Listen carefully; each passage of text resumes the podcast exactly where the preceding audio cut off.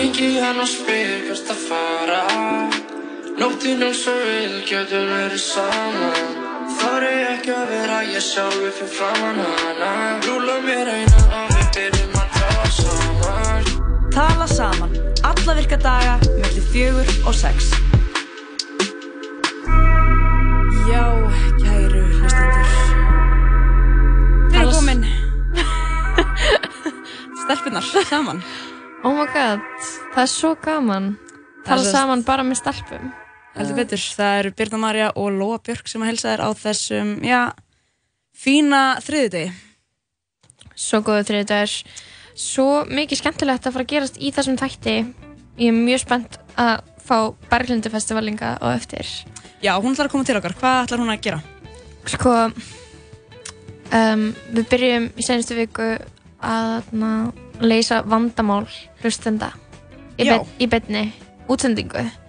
Og ég hugsaði bara hver er með meira innsægi og lífsreynslu svona sem ég get bara hnift í og fengi hana inn sem Mhm. svona auka auka auga og eira til þess að hjálpa hlustendum að, að leysa ímis vandamál.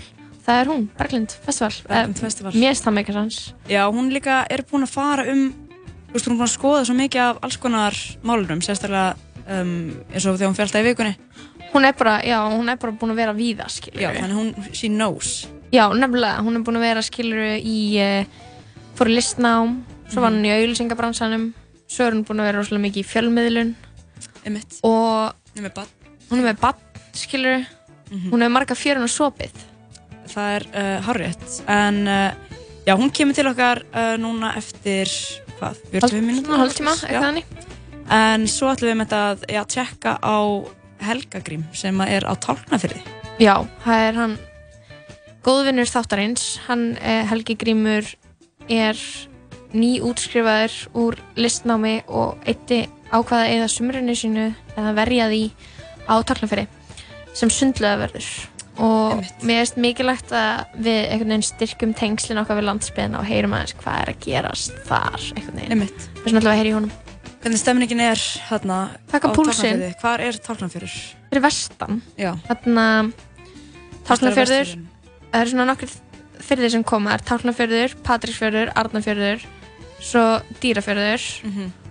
Súandafjörður Ég var að telja alla upp. Já, þetta er svona, hugsa um vestfjörðina sem svona hendi Já. Þetta er einn af þessum fjörðum manna, Ok, ok. þú veist, þannig uppi og uh, þar er þú veist lítill bær og samt alveg nóg að gerast frekar, mi frekar mikið að þú veist til dæmis ferðamönnum náttúrulega núna sem er að fara um vestfjörðina og eitthvað Og líka orðlega Íslandingar. Fullt af Ég, Íslendingum, sko. Ég hef aldrei kyrst þannig á vestfjörðina. Ég hef bara farið til Patrísfjörðs. Þú eru bara að fara á Patró? Já, bara með hérna Baldri, heitir hann ekki, er ekki skipis, eða. Baldri sem fyrir ánga. Og Og það ekkert var farið áfram, ekki farið á ISO Nei, ekki neitt sko. Ok, Og ég- verður að tjekka sko Ég hef margt eftir hvað var Sko- íslenska, íslenska landið sko. Sko núna, þegar þú að að fara íslenska landi Þegar þú heyrir í Helga sko, það mun kveikja upp eitthvað svona Damn, ég verð að tjekka vestfjörðum sko Það Einmitt. er svo næs fyrir þér Þetta er ekki fyrst skipti sem að, að við ringjum í hann. Nei, þetta er ekki, við heyrðum að síðan fyrir nokkrum vikum Mhm. Þá var hann að segja okkur að hann, var- hann liðist undir smá eins og presti Einmitt.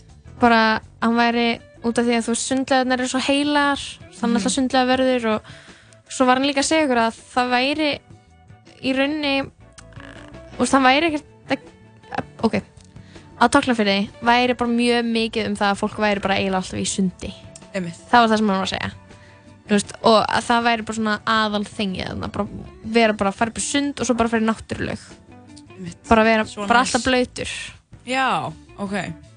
Já. Þetta er, en þetta er svo sem líka kannski hérna ákveð áhugamál. Þetta er líka stemningin í Reykjavík sko Fólk er freka blökt hérna í Reykjavík. Nefnilega sko En uh, já, við ringjum í hann eftir öskamastund en svo ætlum við líka aðeins að fá að heyra í um, tveimur um eitt góð vinnum þáttarins Pétur Marsteinn og Bergþór Másson sem ætla að segja okkur frá einhverju hræðilegu í liðnum þetta sakkaði. Mhm. Það verður mjög skemmtilegt.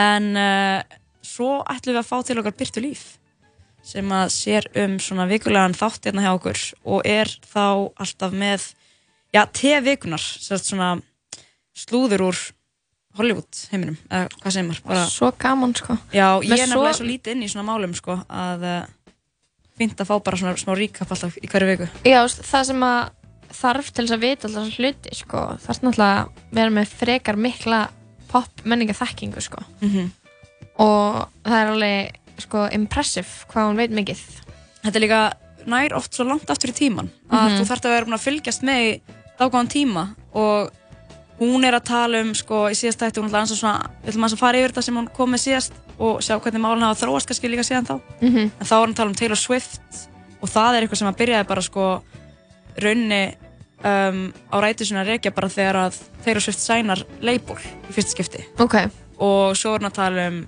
einhversi óléttur og hún er að tala um Kim hún er að tala um Chloe hún er með þetta allt saman sko. Þannig að það verður mjög gaman að eh, já, tjekka henni. Mhm. en já, þetta er bara frekar stútaðar þáttir hjá okkur það má segja. Mm uh, Lóa, þú er svona með píratasnappi í dag. Já, emmitt það er eitthvað grín hjá Jóa. Já, vorum að skoða það. Vorum að horfa saman á píratasnöpp á þann er það eitthvað svona, æ, ég heiti eitthvað svona, ég verði með píratasnappi í dag. En er, veist, er, var það einn á Instagram eða var það einn á Snapchat? Það var einn á Facebook. En á Facebook? Já, að búið að taka upp Snapchat og þú veist, einhvern veginn save a story eða Einmitt. uploada það í Facebook. Mér finnst það, það er eitthvað svona cross-media dæmi sem ég er bara á móti. Já, bara ekki uploada snöppum á á Facebook, það er mjög horrið það hérna passar ekki í formið. Randu vikuna. En líka sko að því að sko einu sinni vorum við alltaf með, með eitthvað svona þessi með Nova snappið, þessi með þetta snapp og hins einn snappið og eitthvað svona Já, hver er með hvað snapp í dag? En er er er á snapp bara, Ég er ekki á snapp, ég er lungu búin að eða ég, snapp ég var hætt og svo byrjaði ég aftur en ég er ekkert Til mikið þess að inn á gera hvað? Að ég er bara hvað? einhverjum grúptjöttum með vinkonum mínum Já. og þar fer eða flest okkar svona að fara flest okkar samskipti fram Meira heldur en bara á, í, í messenger Já, chatinu og svo þar en svona upp á grín að gera það er fara myndir og myndbönd skilur Ég þurfti bara að taka En- eitthvað svona ákvörðum bara, ég er bara búin að horfa of mörg story sem Já. eru ömurleg. Einmitt. Ég ætla bara að fórna því að vita einhvern veginn hvað vinkonum mínar vilja mig senda mynd af vilja senda mig mynd af, en svo skilur sko er þetta hvort sem er flest allt komið á grammið. Þetta og- er alltaf í close friends story á gramminu. Einmitt. en eins og fólk samt sko það er svo mikil munur á kontentinu sem að er að koma inn í Snapchat story eins og bara hjá snöppurum þú veist sem eru bara snapparar og vinna sem snapparar Já, en þú veist, er það lið ekki hægt? En svo en það- Solbrún bara tók, Solon Diego tók skrefi og færði sig alveg inn í- Mhm. yfir á Instastory En ég held bara á Snapchat þá var maður miklu meira til að fara og horfa okkur story sem var bara að vera að tala og tala og tala Mhm. en ef ég er að horfa þannig á Instagram mér langar ekkert mikið til þess, skilur Nei, Mér langar meira hætt- að sjá bara eitthvað content En þú veist, ég hætti á Snapchat út því að ég bara gat ekki meira Mhm. horta á eitthvað tala í frontkamera, sko. ég var bara, ég, eða þú veist, ok, bara með fullri virðingu fyrir Solon Diego, skilur, bara með, bara með, bara ég segi þetta af kærleika, en þegar hún tók upp etikbrúsan hana í hundrasta skiptið, þá var ég bara, nei, Mhm. ég vil, skilur nei, ég bara, nei, ég vil ekki Einmitt. sjá meira etik content. uh, Já, sko, en það var líka kannski bara maður var eitthvað einmitt, eitthvað, okkur þau alltaf að gera allt aftur alltaf, já það er svona margir nýja komin inn að ég þarf að segja aftur frá sjálfur já, já, já. Fældi hvað það er þreytandi fyrir þau að þurfa alltaf að vera bara að restarta. Já, Skilur, að þetta er content sem lifir bara, í 20 bara í 24 tíma. Já. menn eins og YouTube að það lifir þetta bara í mörg ár þannig að fær Eða bara Insta bara í story highlights já, einmitt. Að það er eitthvað að laga þetta sko. En við ætlum að hafa það nótalegt í dag og, Já. uh, og spila eitthvað næs. Um, við langar að byrja á lægi sem að er í miklu uppaldi hjá mér þessa dagana og uh, heitir já, heitir Janet.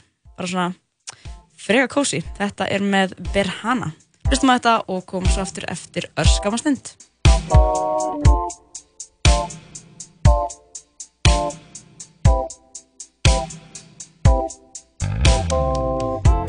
Mrs. Hubert, you think that they should hang with us? Can't feel my music, we used to dance so the lonely uh, Smunk from my monastery, carried my bags out the door. Lit that shit with a big, hit a jig through the ash with the cash in the knapsack. Used to love me, I used to love you. We had the phone, we had the phone. But did, did, did you love me like I loved you? Wonder if you're dismissed.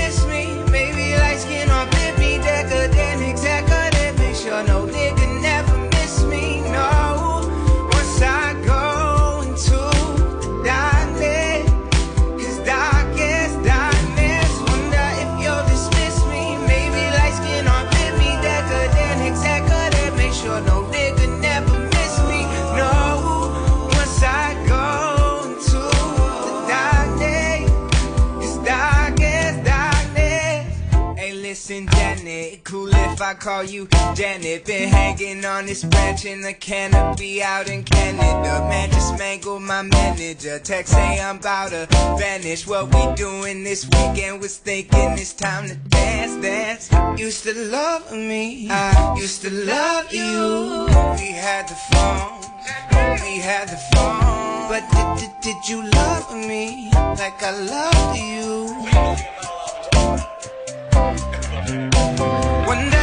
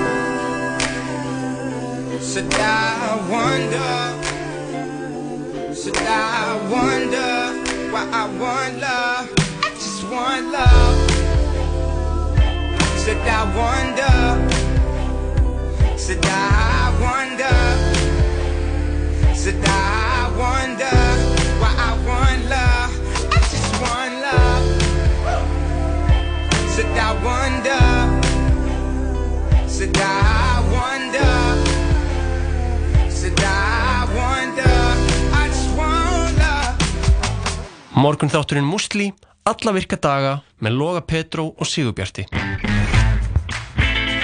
Í dag er, hvað er ég að segja? Þið vitið alveg hvaða dagur er í dag. Dominós. Gommugláp og bland í póka í kvöld Stöð 2 Marathon er stútfullt af frábærum þáttaröðum sem þú getur hort á hvar og hvenar sem er. Þér áskrift fyrir aðeins 2490 krónur á mánuði á stöð2.is Hamburgerabúla Tómasar, þriðudagstilbóð, þriðudagstilbóð. Hamburgerabúla Tómasar. Gamla góða Kia skýrið fagnar 30 ára ammali með nýjum umbúðum og tekur fagnandi á móti þér í næstu verslun. Hallt upp á ammali með okkur og náðu þér í Kia skýr. Landsbankin kynni Stock chose you. Eftir atbyrði Avengers Endgame þarf Spider-Man að stígu Are you going to step up or not? til að takast á við nýjar ógnir Really miss him. í heimi sem hefur breyst að eilífu. I don't think Tony would have done what he did if he didn't know that you were going to be here after he was gone. Spider-Man Far From Home frumsýn 3. júli. Fimm staðir og allir opnir frá 11 til 22 alla daga vikuna. Þú ert að hlusta á útvarp 101.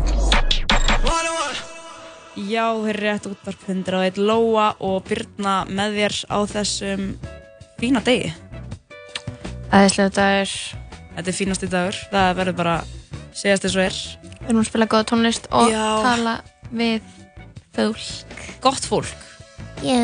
Þetta er eiginlega bara uh, rock solid þáttur hjá okkur. Mhm. Við erum að fara, næst að fara að heyra í Helgagrím. Ójá. uh, sem að, já, hann er á tálknafyrði og vinnur þar sem sundlögaverður í uh, sundlöginni þar. Uh, ekki fyrst sinn sem að við heyrum frá honum, en svo Ég- sannlega ekki síðasta líka heldur. Ég vil líka bara nota tækifæri bara ef þú býrur út á landi Mhm. og ert með einhver skemmtilega landsbyðasögu að segja, endilega ringja ég okkur. Já. Við erum í 55661. Líka bara ef þú senda okkur kannski skil á, á. Mhm. Veistu hvað ég er við? 101 Live Radio. Já, af því að sko, það er oft sem að við bara missum af einhverju sem er að gerast að nóti, af því að við erum Mhm. bara innan í borginni Mhm. og alveg í sko kjarna Já, borgarinnar. bara hjá hlemmi, skilur Já, þannig að það er oft sem að við kannski, já, eitthvað fer fram hjá okkur og þannig að þarna, það er alltaf gaman að heyra einhverjum. Við erum tilvalið að heyra í Helga Já. sem er á línunni núna. Já, góðan og blessaðan daginn. Hæ Helgi, Góðan, góðan og blessan daginn, 101. Hver er það? Lóa, Og Birna. Lóa Og Birna. og, og hver er hinn? Birna. Við höfum ekki talað saman. góðan daginn. Góðan daginn. Varst þú að færa þig, Lóa, yfir? Í hvað? Síðdeis útvarpið. Já, síðast þegar þú ringdi þá var það að mótni til. Passa það? Já. Mm. Já, þetta passar alltaf mér, sko. Finnst þið betra að fá svona símtal, svona síðdeis? Já, ég er bíja manneska, sko, þannig að ég gætt, ég gætt undirbúið mig núna, en síðan þá vaknaði ég svona sérska rétt fyrir viðtalið og gamin geisa. Hvað er búið að hvað er búið að svona drífa á daga þína síðan að við heyrum í senast helgi? Herri, það er margt búið að gera, sko, fyrir á sunnanverðum vestfjörðum, skal ég segja ykkur. Það voru hérna Bíldudals græna bönir núna, uh, síðustu helgi. Hvað er það? Það er bara eina af þessum hátíðum sem allir bæjar eru með á þetta landi og Bíldudalur er með Bíldudals grænar bönir af því að það var bönaverksmiðar eins og niður.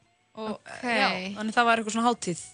Já, það er bara svona zombie fyllir í, skilur, Einmitt. fólk á öllum aldrei að detta í það og svona, Varst þú á staðnum eða hvað sér þið?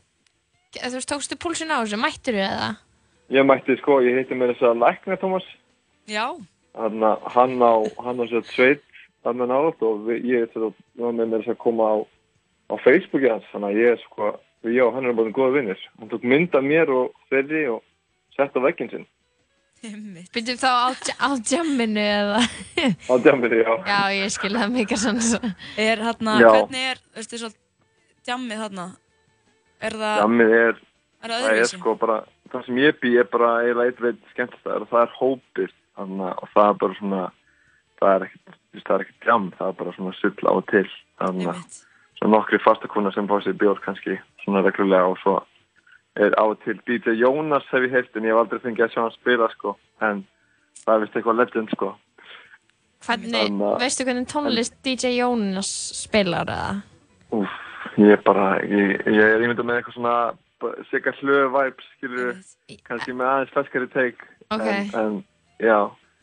En svo er náttúrulega bara fólk ég held að sé svolítið út af landi að fólk býr eftir svona stóru djömmanum, ég held að sé, þú veist Sparar. að þorrablótið og svo sömarfestivalið og þá svona veist, þá kemur zombiefyllir í gang. Að en en þangað til þá heldur fólk sér svona ne- nett rólegt sko. Mm þetta er svolítið henni sko og svo sleppa allir beislunni svona rosalega þegar þessi stóri hátíð Og var ekkert annað að gerast á Bíldudals grænum bönum heldur en bara fyllir í? Var ekki eitthvað dagskrá og Jú, þannig? jú, það er alltaf dagskar sko, en ég held að fólk sem alltaf langt mest spennt fyrir því sko. Um, það er sko, það er bara svona classic, ég veit ekki hvað, þú veist, ég var að vinna alla helgina sko, en ég veit ekki hvað var í gangi sko, en það var það Mm. á ball með hvað heita það, þarna, sem sunga þarna, ég og þú og allir vini mín eru hér, þarna- Albatross. Já, já.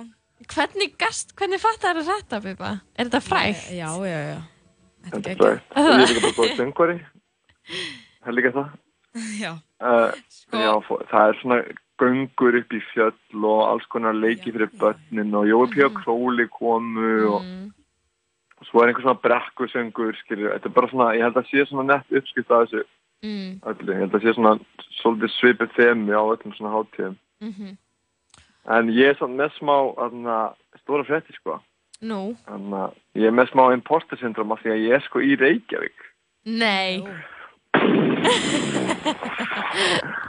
Jú, ég hann að það, það greip mér sko feit sumar manja á sundagskvöldi og hann að ég var búinn að vinna sko þrjáta eru tól tíma vaktir í sundlauginni og maður verður algjörlega svo en það er að því að maður er að sitja fylgjast með fólki en maður er hefa sinni þannig að og það greip mér bara einhver æðislega sumar manja og ég bara ákvað að keira stað klukkan tíu á sundagskvöldi og ég var eftir í bænum klukkan þrjú uh, og ég er að fara aftur og eftir vestur Þannig að náðu bara tveimur dögum, eða rauninni bara einum og hálfum. ég náðu bara einum og hálfum. Hvað ertu hérna, og hvað ertu búin að gera á þessum einum og hálfa degi? Uh, ég er búinn að er að fara í grafókslaug sem er mjög mikilvægt sko. Fórst í sund annar staðar? Vinnur í sundlu á vestfjörðum og kerðir til Reykjavíkur til þess að fara í aðra sundlu Já, og ég hitti með þess að strák í sundlauginni sem er sundlaug verið það sem ég afgriði á tóknefni fokkin litla dæmið. Í. Sund Inception þannig að þú Helgi ert að segja mér að þú gætir verið hérna í stúdíónu með okkur ekki í síma Já, en ég, ég var svo stressaður að ég var að svíkja ykkur, þetta var svo mikið vörusvik að ég ákvað bara að, ákvað bara að vera samt Þú veist, Anna, alltaf meðvirkur. Já, ég er það. En að, þetta, er- það er kannski helst að innta í þessu, sko. Ég þarf bara að fara að fundi, sko. Þú veist að fara að Al-Anon fundi. Ok, þannig að þeir eru ekki fyrir vestan, sko. Þú þarft bara að kaupa Al-Anon bókina og halda þess að fundi sjálfur og ert bara að leiða það og skilur við. Já, byrja, byrja hægt og róla og svo verð ég komið með flestallega í bænum. Já, maður. En Herru, ég fekk sko, já, ég fekk sem sagt þarna pitstop frá þarna Elmari sem er á mótdröktin með mér og hann, hann húkaði mér upp með tveim nokkuðum og bíluðu veipi þegar ég var komin rétt fyrir utan Patricksfjörð. Þannig að það gaf mér ágæti styrk inn í sko leiðina suður en ég veit ekkert hvað, hvað ég get fengið svona pikk mig eftir núna á leiðinni aftur tilbaka. Svona, bara orkudrykk. Já, bara svona andlegt pikk mig upp líka sko því að hann var mjög ferskur, hann var nýkomin að verna Írskamdöðum og Akarnesi skilur, hann var í góðan kýr og Magnús vinnar svo með honum. Kottu bara að neða þú- hverfiskötu og við skulum peppa þig fyrir ferðina. Er það lagið komin, með Já. skottum mellum lappana? við erum með fullt af nokkóum og eitthvað. Er það með nokko? Er Já. það ekki með go-go? Nei, við erum með nokkó. Ok. En sko, Shit. nú vorum við alltaf að reyna að ná í því til að þú talir hérna um lífi á tálknafyrði. Ég veit. Og við erum bara fann að tala um lífi í Reykjavík. En þarna, ertu með einhverja sögur, svona, sem á getur sagt okkur, okkur frá? Ó, þetta er ekki spurning. Mhm. Sko, hérna, sögur, sögur. Var eitthvað fyndið sem múrt að lendi þú veist? Engin að kúka í Sko, laugina? nei, það er enginn að kúka í laugina svo far, sko. Ok, En psycho. þarna, það var smá, það var smá krís um daginn af því að sko, við vorum ekki búin að panta klór þarna, og við þurfum sko að skvætta klór í rennibrautina og valegina sér af því hún er ekki tengt kerfið uh, en svo sem þetta þetta með því að við fengum svona fjögur minni hér til að skvætta klórnum í en ég finnst að vera mjög vakandi síðustu helgi til að gá hver staðan var að klórnum af því að það er náttúrulega mjög mikilvægt að klórnum sér heilt Einmitt. Annars verður bara sundlaug til sundlega vatni ógeðslegt, eða ekki? Já, semi sko Ég meina, ég, Þarna, ég það er svolítið þannig í þessu náttúrulegum sko. mér, finnst, mér finnst vatnið þeim svo stundum, sko. Í náttúrulegunum? Já. Já, þetta þetta er ekkert svo næs ef við pælið í því, þetta er bara alls konar húðflexur og fólk er ekkert endilega að fara í styrstu og svona áður en að fer Það er bara dirty, Það skilur er bara oftast ekki að fara í styrtu, það er bara oftast sveikt eftir einhverja göngu og dempir sér bara beint ofan í, sko. sem ég svo pissa bara í pottin skilur, og pælir í Bara að þú sitja ert bara í með svita Já, Já, 100% ég skil ekki sko. þetta fætti sko ég er miklu meira talsmaður bara sundlegana En þá farið líka væp Nei, Helgi, seinast þegar þú talaði við okkur þá varstu obsessed á náttúrulegum. en það, með sko, kúltúrin hérna er náttúrulega versus sundlegin, Ertu það er svona ekki- helmingur bæjarbúa sem fer bara í pollin og helmingur bæjarbúa sem mætir í sundlegina á sko pikkfastum tímum sem er mjög áhugast fólk er bara með feita rútinu í kringum þetta. Mhm. og svo er náttúrulega líka zumba í, þú veist, íþróttumviðstöðinni og Mm. það er gym og fólk er að vekta sig, sko en já, helmingur bæjarbúa fer bara ekki í sund, sko af því að það elskar pollin svo mikið Einmitt. Það er skítuð af fólki. Nei, svona En úlingavinnan er að þrýfa pollin einu sinni í viku Það er ok. náttúrulega Það er frekar vel sko gert. Ein besta nýting á úlingavinnu sem ég hef heilt, sko Ángríns. Ángríns, Helgi. betur en að þrýfa einhvern arfa Herru, Anna, gangi ég bara vel að keira aftur vestur og tekkaðu síðan á, taktu eitt svona jam á Tálknafyrði með DJ Jónasi og geðu ykkur síðan update á því hvernig það fer. Og, Ok. og heyrumst aftur, er það ekki? Tekka á DJ Jónasi. Ég, ringi til Jonas, kannski verðum bara með mér í næsta hætti Já, þú ættir að ringa í hann á leiðinni uh, tilbaka. Og hann getur kannski komið í þetta hérna pick me up Já, it's gonna be a long ride home. Já, já. Herru, Herru, varlega. Takk fyrir spjallið. Heyrumst, bye. Sjáumst, bye Tala saman alla virka daga millir fjögur og sex. Í bóði Dominos og Spiderman Far From Home, komin í bíó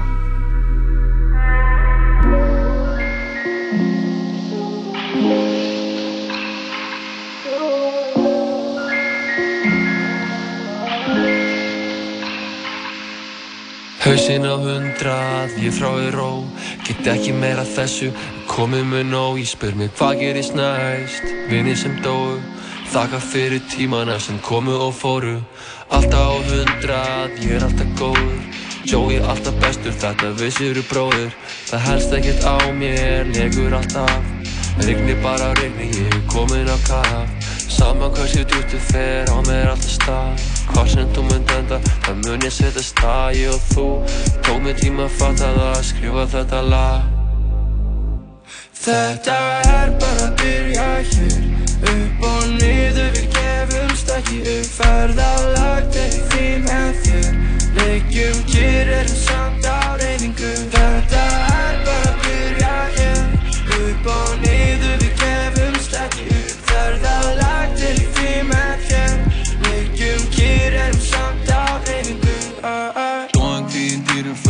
fötum, ég hef aldrei þóst maður Gera þetta eilífi, það er mín eina ósk maður. 2019 baby, löngu orðið ljósta. Óski mín að ræta svo ég lyfti glas og tósta. Regi ein og hósta, horfa á hinn að dásta. Því sem ég er að fást við, mandan var að kljást við. Læta ekki sjást, hún var alltaf mína ás Finna þarna inni, þar er innan tómt hól Gæti flúið það eilífið með rosa gott þól Hleypur stað, stoppa strax En ég komin nóg að því.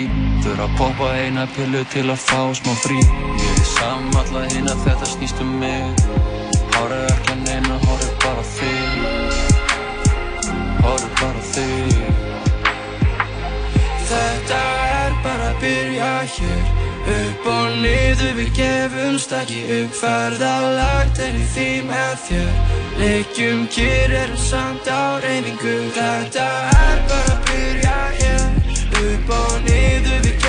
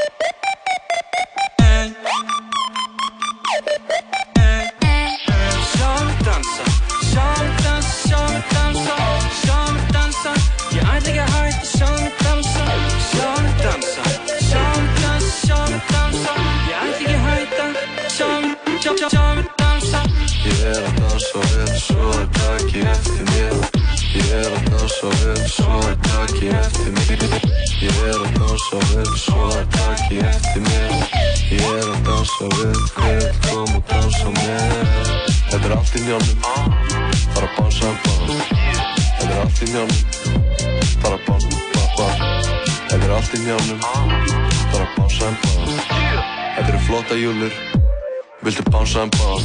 Ég er að dansa vel, svo er taki eftir mér Ég er að dansa vel, svo er taki eftir Hefur ekkert tíma pælt í að brunch er bara breakfast og lunch blanda saman? Brönns, allar helgar frá föstu degi til sunnudags. Skál, hlemur matöll. Tala saman, alla virka daga, millir fjögur og sex. Í bóði Dominos og Spiderman Far From Home, komin í bíó. Já, klukkan er hálf fimm á þessum fína þriðudegi. Lóa Björk og Birta Marja með þér um, og við erum að fara að hefja, já, svona, fara í smá rátt en við vorum Já, vorum að tala við hann uh, Helga Grím á Tálknafyrði, eða sem var ekki Tálknafyrði heldur, var búin að bruna til Reykjavíkur í sumarmanju, alltaf gaman að heyra í honum Helgi Grímur Hermansson sundlega verður og listamæður og flippari Uh, flippari og meistari og deheli. Mhm. En yfir í allt annað. Já, förum, förum yfir í þetta sökkaði sem er nýju uppáhaldsliður minn Þú fílar hluti sem sökka.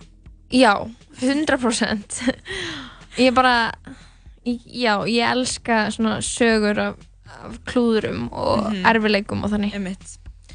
Og þér. ég þarna hitti tvo gauðra Two dudes Ú, Mm. tvo gauðra, ok. Nice. Og svo fyrsti er þarna Pétur Marsteinn, hann er lögfræðingur bortennisspilari Mhm. vinnur í ráðuneyti man ekki alveg umhverfis og auðlendaráðuneytinu Einmitt. hann er Bara eins og fólk gerir. já, uh, gammal emmeringur og fyndinn og hann er, Hann er hann er, á hann er, á Twitter Twitter mikið, jú, já, já. Er þú að followa hann á Twitter Uh, ég held það, ég er ekkert mikið að, sko, ég er ofta bara að skoða tweet, nei, þú veist, aðganga, en ég veit ekkert hvort ég að followa fólkið eða ekki. Fyrir sum er hann svo heilagt, hvernig þú ert að followa ekki, skilur? Er Já. þetta að followa hann? Nei, nei, ég er ekki að followa hann, eitthvað svona. Ég, kannski er ég að followa hann, ég veit ekki alveg. Ég skil, Mhm. I get it Þannig sagði mér sögu af tveimur frekar hæðilegum deytum Einmitt. Það er ekki veginn ef maður bara spila þessar sögur sko Já, herrið, fáum að hlusta á þetta. Pétur, getur þú sagt mér frá uh, þessum þessu deyti sem þú fórst á? Uh, já, ég er eiginlega með tvö sko. Uh, Ég er með eitt sem er algjör hrotti Svo er ég með eitt sem er uh, Stefnum átti sjálft var ekki þannig hrotti En allt í kringu það er óslega pyrrandi Þannig að mér langar kannski líka að segja svona smá frá því. En svo, þú veist, þar fyrir utan þá er ég bara legend á deytum sko. Þannig að fyrir utan þessi tvö sko. Þannig að, þú veist, þetta er, þetta er bara svona, hérna Mín, mín tvö slæmi moment. Að kannski byrja á þessu sem er minnar, minnarsvátti ok, sko við þurfum alveg að spóla aftur bara til ásins 2005 og þá er ég bara 14 ára gaur eitthvað í sumafrí Tyrklandi með fjölskyldunum minni. Og er eitthvað þarna svona bara við sundlega bakkan og það er einhver bara mjög sæð stelpa sem er líka þarna í sumafrí með fjölskyldunum sinni. Og við eitthvað erum þarna bara í þrjár vikur í sumafrí og spjöllum óslega mikið eitthvað svona og svo kom ég heim og ég bara eitthvað, ah fuck, þú veist, ég fekk ekki símanum hennar neitt og er bara eitthvað 14 ára nördi og þú veist, kann ekkert áhluti þannig ég eitthvað svona, ég næ einhvern veginn að hafa upp á símanum, hennar og sendi henni bara veist, SMS einhvern tíman, eitthvað, hei, uh, langaði að gera eitthvað. Eitthvað bara fokki stressaður, býði eftir svari og eitthvað svona, fyrsta skipt sem ég býði stelp á date.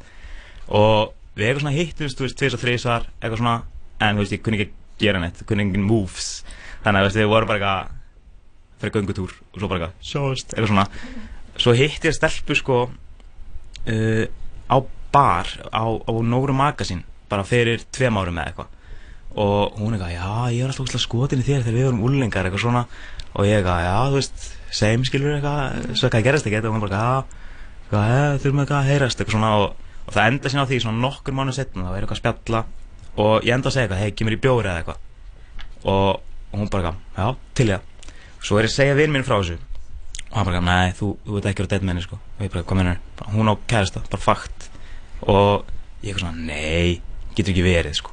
Því ég sagði, þú veist, bjór eða eitthvað eða eitthvað er date sko. Er það? er það ekki? Ég veit það ekki. Ég er að ég, þú veist, ok, þetta hefur verið smá debatt sko. Ok. en hérna við eitthvað já, hann segir eitthvað, nei, hún er sko vinkona eitthvað stelpur sem hann var að hitta. Og hún og kæristinn hennar skuttlu þessa stelpu til mín í gær. Þannig ég eitthvað, nei, það er ekki séns, það er ekki séns. Eitthvað svona og, og fáum hann til að ringja í þessa stelpu sem hann er að hitta. Hei, hver skuttla er í gær? Og þá var það bara allt henni stelpa. Þannig ég bara, eitthvað, ok, þú er bara, þú ert rugglast. Þú veist, þú ert rugglast á stelpum og þessi vinn minn hann er aldrei rétt fyrir sér í lífunu þannig að ég bara, þú ert, þetta er bara bullshit. Svo fer ég og hitti stelpu og kíkjum í bjór og bara ógæslega gaman. Deiti sjálft er næs sko. Og erum bara svona spjalla. Uh, fáum okkur, þú veist þrjá fjör bjóra, sittum bara til lókunar og svo þú veist þegar við erum að bara segja bless, það var aldrei veginn svona, svona koss-momentið sko. Við vorum í ofgóðu spjalli, það kom aldrei þú veist pásan sem það þarf. Þannig að ég gaf, ok, sjáumst. En svo sendur hún bara skilabóð bara eitthvað að vonaður ekki haldið þetta væri date. Eitthvað svona, sorry, ég vil ekki halda og hún alltaf segja líka á, á dateinu innan gæsalappa bara eitthvað, já, fyrirverandi kæristi minn. Eitthvað svona, en ég bara eitthvað ok, hún er hætt með þessum gaur, ef hún var með einhver kærista en það var þá greinilega bara allt annar. Ok. þannig að þetta var bara alls ekki date en build-upið var búið að vera svo Býtu, hvað, 13, nei, 14 ár? Já, svona cirka Svona build-upið svona 13 ár. Og ég var ekki, herrið, það er komið að þessu bara fyrsta stelpur sem ég fór að date með. Við erum loksins á deiti og þú veist, ég, ég hef kist stelpur núna og eitthvað skilur Heyrðist það ekkert eftir þetta? Nei, ég sendi henni bara hún eitthvað, "Ó, ég vonaði ekki haldið, þú veist, það var eitthvað date, miskilið eitthvað svona. Og ég sendi henni tilbaka bara eitthvað, bara to be honest, þá held ég það verið date, sko. Og hún bara eitthvað, oh, sorry, ég bara eitthvað, uh, ég veit ekki hvað ég segja núna, en við hefum ekkert heyrst meira, sko, ég veist, við- ég held samt að við séum ekkert óvinnir. Nei, gott. Þetta var, þetta var svona, þetta var svona pirrandi, sagði mín, sko, en svo er ég með einu flotta. Uh, ég bjóð einu sér í Bólivíu og í, í, í sex mánuði. Og fekk eitthvað svona hrottalega matareitrun. Og var bara búinn að vera heima hjá mér bara ekki búinn að vera til húsi í þrjá daga bara, þú veist, ælandi, kúkandi bara í þrjá daga, bara ekki búinn að borða neitt. Og svo svona er ég að jafna mig fer út og ég bara svona labba ykkur átt sem ég hef- hafði heldur farið og bara ég ætla að píða eftir að finna bara einhvern veitingastað eða kaffús eða eitthvað og setja niður og koma bara að borða. Drullar svangur. Og sest niður á einhvern stað sem er bara, þú veist, ég er í kortir slapp frá húsinu mínu og panta mér einhvern mat. Og stelpan sem að tekur pöntunum minn niður hún eitthvað fer svona að stelpunum sem er að vinna með henni og svona er eitthvað að benda einni svona á mig eitthvað svona. Og svo þú veist kemur hún með matinn til mín og er alltaf svona brosa til mín og eitthvað svona. Og alltaf kom svona í eitthvað svona small talk og ég bara, já ok, hún er greinlega bara fílaðan hann, þú veist, mjóa gaur sem búin að hæla í þrjá daga. Og þannig ég bara tek sko held ég bara svalasta moment lífsmins uh, spyr bara á spænsku bara eitthvað, hei, hvernig klarar að vinna og hún bara, uh, eftir hálftíma bara klugan, þú veist, fimm. Og ég bara, ok, næst, til ég að gera eitthvað. Eða hún bara, já, ég bara, geggja, vá, djúðar er cool. Eitthvað bara, þetta er svona 90s sitcom moment einhvern veginn. Bara when do you get off, eitthvað svona og, og það bara virkaði, ég bara, shit hvað ég er nettur og hún er eitthvað, ég ætla bara þú veist, fara að skipta um föt eitthvað svona og hérna, gaf mér kaffibotla bara með henni að býða og ég er bara, ok, nice. Og svo erum bara drullu lengi að skipta um föt. Og þegar hún kemur tilbaka loksins þá er hún sko extreme, extreme, extreme goth. En greinlega sko, þú veist mátti ekki vera þannig í vinnunni. Og var bara sæt stelpa skilur og hérna og hún mæði tilbaka bara með eitthvað, þú veist gatta choker og þú veist í bara eitthvað svona sko slip, slipnot ból og þú veist þetta bara svona ég hef aldrei séð svona, þetta er bara svona freaks of Iceland level sko goth. Og og þú veist ég og þú veist ég er alveg goth friendly. Ég er alveg, ég er alveg open minded með goth en þetta bara sló mig svo ótrúlega mikið út af læginu að ég bara ég panikaði 100% og ég þekkti hann ekki fyrst hún kom bara eitthvað og kom og ég bara hver fokk hann verið þetta? Og svo bara, nei, fokk, þetta er hún. Og hún bara eitthvað, hvað hvað ætla að gera? Og ég bara, hvað, hvað vil ég gera? Ég, var bara í algjöru paniki. Uh, en ég bara, eitthvað, uh, og göngutúri eða eitthvað, hún bara, eitthvað, já og ég bara sett stefnum sko bara rakleis á húsið mitt sko, ég ætlaði bara heim sko. Já. og við röldum þetta saman og hún er eitthvað að reyna að spjalla við mig og ég bara neginn, ég er bara alveg farin í haustnum sko. Og bara svona, þú veist hún gleyma bara allir spænsku sem við kunni, hún kunni enga ennsku eða neitt sko. Og já, þannig að ég er bara að lappaði sko lóðbent heim. Og svo er ég bara fyrir utan húsið mitt og bara hæ, herri, ég á heima hér, ég þarf alveg að koma með eitthvað svona, hún er eitthvað, ó, þetta er hér, maður kom inn og kíkja á íbúnaðin eitthvað, á hvað er gott útsýn á svölunum, eitthvað svona. Og ég bara, eitthvað, næ, ég geta það ekki núna, eitthvað, hún er eitthvað, nú, af hverju, og ég er bara í ykkur paniki, sagði bara, ég þarf að leggja mig. Bara leðast afsökun í heimi. Og hún bara, ó, uh, ok, eitthvað, og eitthvað svona, ég verði á þessum bar í kvöld að kíkja. Og ég bara eitthvað, á, fuck, bara fór þetta var, þetta var hræðilegt sko. Þú fórst ekki að kíktir á hana? Nei, ég bara forðast þannig bara svo heitan eldin sko. Mér bara leið svo illa eitthvað. God. Þetta er hrótti Já. Vá. Þetta Þetta- sökkaði. Sökkaði feitt. Ah, Áfall, áfall Ekki það áfall. að gælan sé goth Nei. Heldur bara að kunni ekki að díla við það. Já, og líka bara gleyma allri spænsku Hún talaði ekki ennsku og bara svona Hún er svo Og að að þú þekkir hann ekki þegar hann kemur. Og líka að búin að taka Hann sagðist að það tekið bara eitt mest tough move æfið sinnar þegar hann spurði á spænsku bara eitthvað svona Hvernig klárar að vinna? Kanntu spænsku bubba? Nei, ekki neitt sko. Cuando vorra Hún bara, þetta er líka hljómaði bara svona, ú, þetta er bara þessi bíómið, bara svona eftir hálftíma. sem bara Mhm. fullkominn byð Mhm. Ó, guð, ó, og líka Elsku. að vera búin að byða í hérna 14 ár eftir að fara að date með gælu Og Sem fyrir sinna vina date með þér Já, eða samt líka bara eitthvað svona veist, ég held að það verið bara eitthvað svona ég veit ekki, hún fekk bara eitthvað út úr þessu Mm. að, að Mhm. hún vissi alveg að hann held að þetta væri date Við tókum sko mjög gott spjall um, um þetta eftir, eftir að ég talaði við hann tókum við sko mjög gott spjall um fara á Já. og maður eitthvað það er það ætti alveg, við ættum alveg að vera nú að hugrökk til þess að geta verið eitthvað svona við erum að fara að gera þetta chill sem Já. vinir Mhm. það ætti ekki að vera neitt slæmt Nei. En líka sko, Ah. það er eitt að fara á vinadeit og það var allir örugglega farið að borða eða bíó með vinni sínum Mhm. hvort sem það er, þú veist, að sama kynni eða, þú veist, fattur Mhm. bara með vinkonu sinni eða vinni sínum eða eitthvað Mhm. en þá er þetta líka oft vinumann sem maður er búin að þekkja ágætlega lengi, skilur Mhm. og þarf þetta ekki að vera eitthvað en byrju, er þetta ekki bara sem vinir, eða fattur Mhm. en þetta er svona fyrst skipti Já, þetta er svona ný manneskja. SMS-a og þá víst maður kannski bara við að, að ég veit það ekki, þú veist það væri vinadeit ef þetta væri eitthvað svona búið að vera í Ef þið eru nú þegar vinir, skilur við. Já, ok, förum, oh my förum, God, förum í, maðurinn. við erum með tvöfalt þetta sökkað í dag. Ef ég veit ekki hvort ég geti það sko, ég er bara, ég, ég, en sem betur fyrir næsti, næsti liður, eða næsta þetta sökka er ekki date-saga. Nei, nei, nei, Vi, við þurfum að taka pása hans á þessum date-sögum, sko.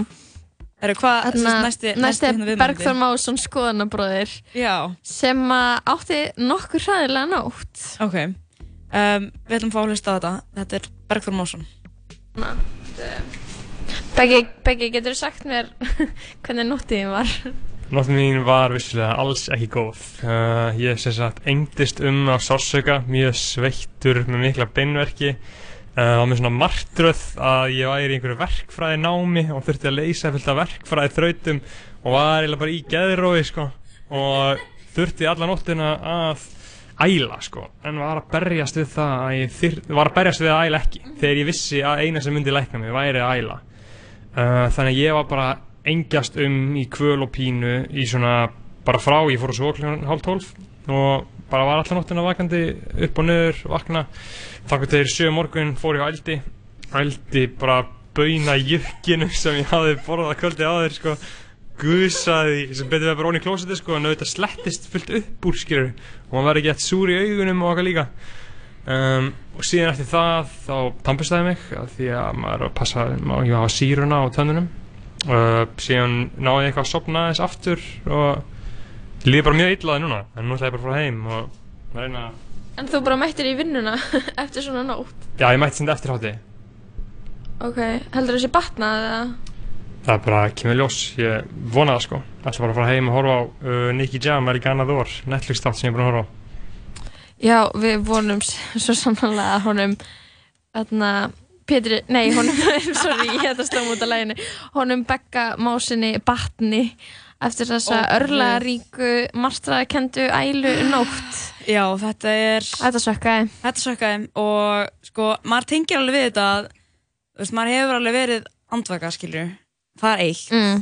Það get ekki sofið. Mm. En að vera andvaka og eitthvað þurfa að æla allan tíman og vilja ekki fara að æla og gera það svo kláðan sjö morgunin, það er alveg annað líka því að sko, það sökkar. Þetta Að- sökkaði. Já, að vera bara, ná einhver svefnum, svefni og æla og vera andvaka. Já, við bara sendum Ah. batakvæðir á hann Begga já, mjög um, hlýjar og stórar batakveðir. En- Við ætlum sko, já, hvað Na, segir já, næst til okkar er hún Berglind Festival en, en, en þangað til hún kemur í gæðin þá ætlum við bara að hlusta á eitt lag Já, ég ætla að hafa þetta bara notlegt og næs. Við ætlum að hlusta á lag sem ég rekst á í gær. Heitir Mm. Slow Down.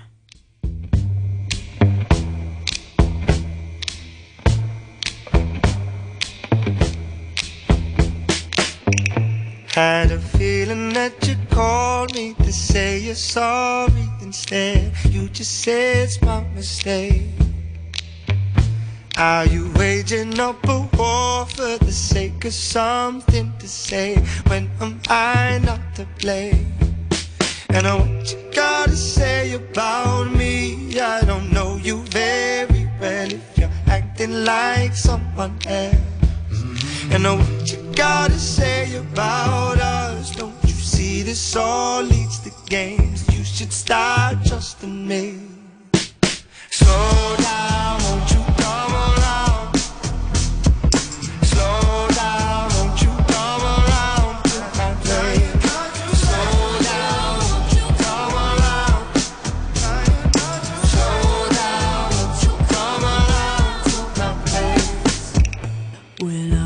I could say sorry, but I don't have much to say. You won't believe me anyway. I got a thing for causing arguments, but in my defense, I'm scared to walk away. Mm, And what I'm trying to say about me, I don't know me very well if I'm acting like someone else. And what you got to say about us?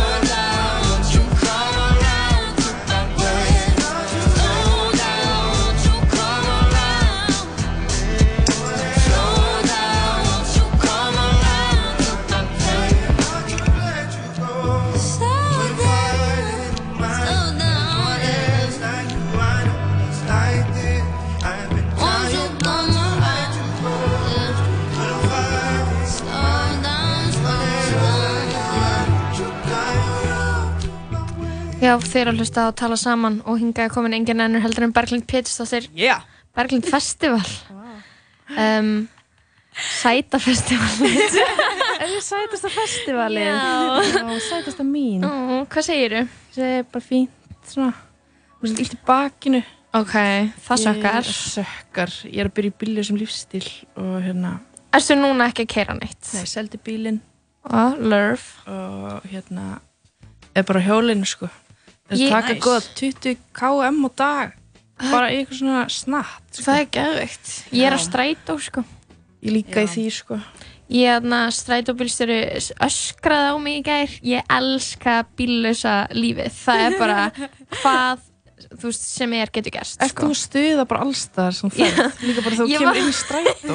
ég var bara, hei, ég dinglaði og hann bara öskraði á mig bara It's too late og ég var eitthvað einn í strætónum og ég og, ég og einn gælla vorum bara oh my god Ég er þetta með svona dinglkvíða í strætó því gömlu strætónum það var stundum fór þú veist stansar þegar hann stoppaði kannski þú veist aður hann stoppaði í Já, já, já. og kemur alltaf svona Já. þá fórstundum þú veist ljósi af, þú veist maður dingla aftur og gerði það kannski ekki Já. þannig að ég óttast alltaf hvert skipti sem ég dingla að þetta gerist Já. að ég lendi í þessu kannski einu sinni þegar ég var svona 14 ára uh -huh. og maður mista stoppinu sínu Já, og þetta er bara kvíðin mikli Ég, ég þetta ekki, dingla, reyna að komast út, fullt af börnum fyrir, allt þetta dæmi, skilur Ég en, veit líka sko aldrei hvernig ég á að standa upp. Þú veist, ég er að fara, ég veit ég er að fara út næst. Mm. Ég já, ég, við erum alveg að koma.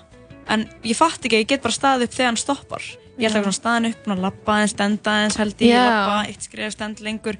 Minnst það mjög ég er búin að mastera að standa upp og fara út á hálfri sekundu því ég er svo mikið í strætó og ég er bara, já, ok, herru, þú ert hérna, ertu í, ertu í svona leysa vandamál skapi eða? Já, já, ég er til það Ég er búin að chilla svolítið mikið með bara 8 ára núna 8 ára krökkum? Já Og eru þau skrítin Það er bara svona eitt 8 ára bad Já Þannig að samræðnar eru Eru það eh, súrar, eða? Já, mjög sko Mhm. Þannig að ég er tilbúin að díla við eitthvað svona alvöru Real life hérna, dæmi. Real things þess að bjóðum upp á þess að þjónustíðan í tala saman að að leys að þú ert með eitthvað svona sem þú, þú veist bara, ég það bara eitthvað hjálp skilur við með þetta vandamál.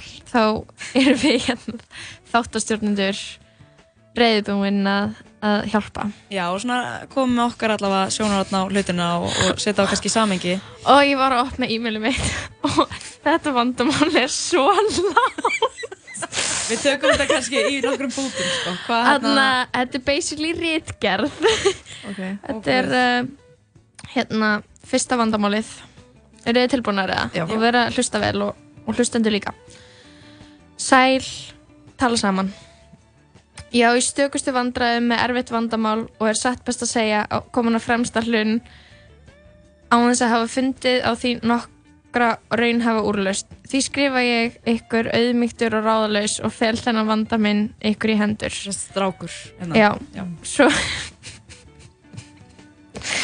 svo er mál með vexti að Hate Me Mean sem ég kvæntist fyrir sjö árum hefur algjörlega gerbreyst á innan við árslöngu tímabili. Ég þekk hana varla lengur. Allt hófst þetta voru 2018 þegar ég stóð hana að því að horfa á klám og all verulegt magn raunar. Mér finnst það einkennilegt þar sem hún hefur allatíð verið stækur feministi og þarlegandi lítill aðdáðandi hlutgeringarinnar og kvennfyrirlitningarnar sem fyrir, fyrirfinnst í hennar almenna klámi.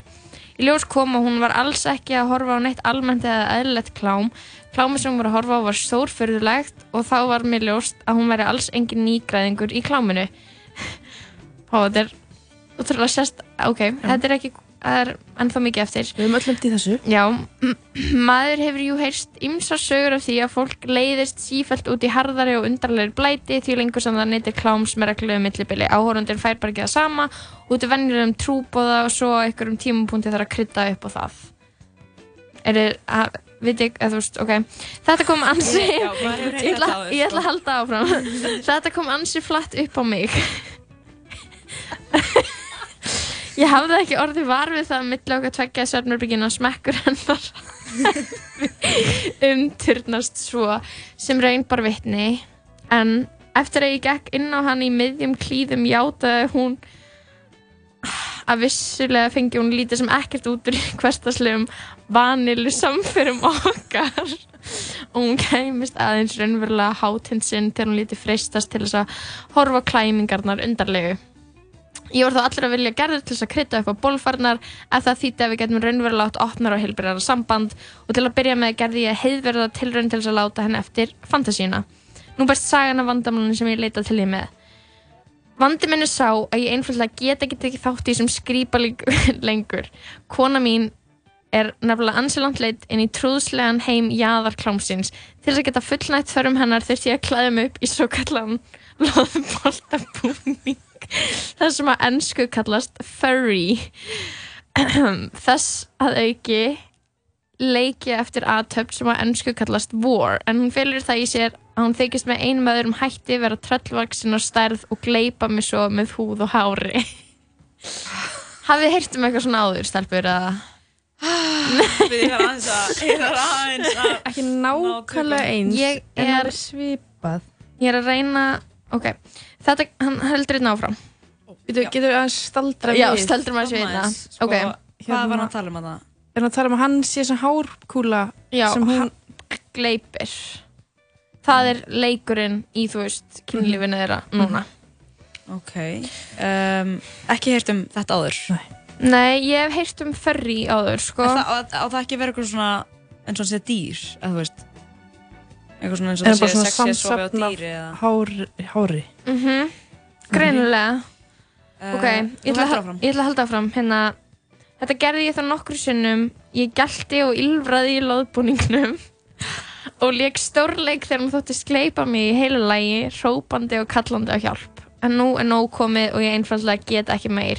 Ég skildi enga veginn og heitkona mín virðist mér nánast ókunn. Þegar ég reynir að ræða þetta við hana bregst hún við með glottum og háðsklósum. Hún segir mér að lokka mig út og kalla mig boomer, hvað sem það nú þýðir. Að Hanna mati er ég einfallega ófærum að halda í við hana og óumflegilega framrást tímans. Hún neytir að fylgja mér til hjónbandsráðgjafa hvað þótti sálfræðing sem geti hjálpað henni að losa, losa sig við klámfíknina.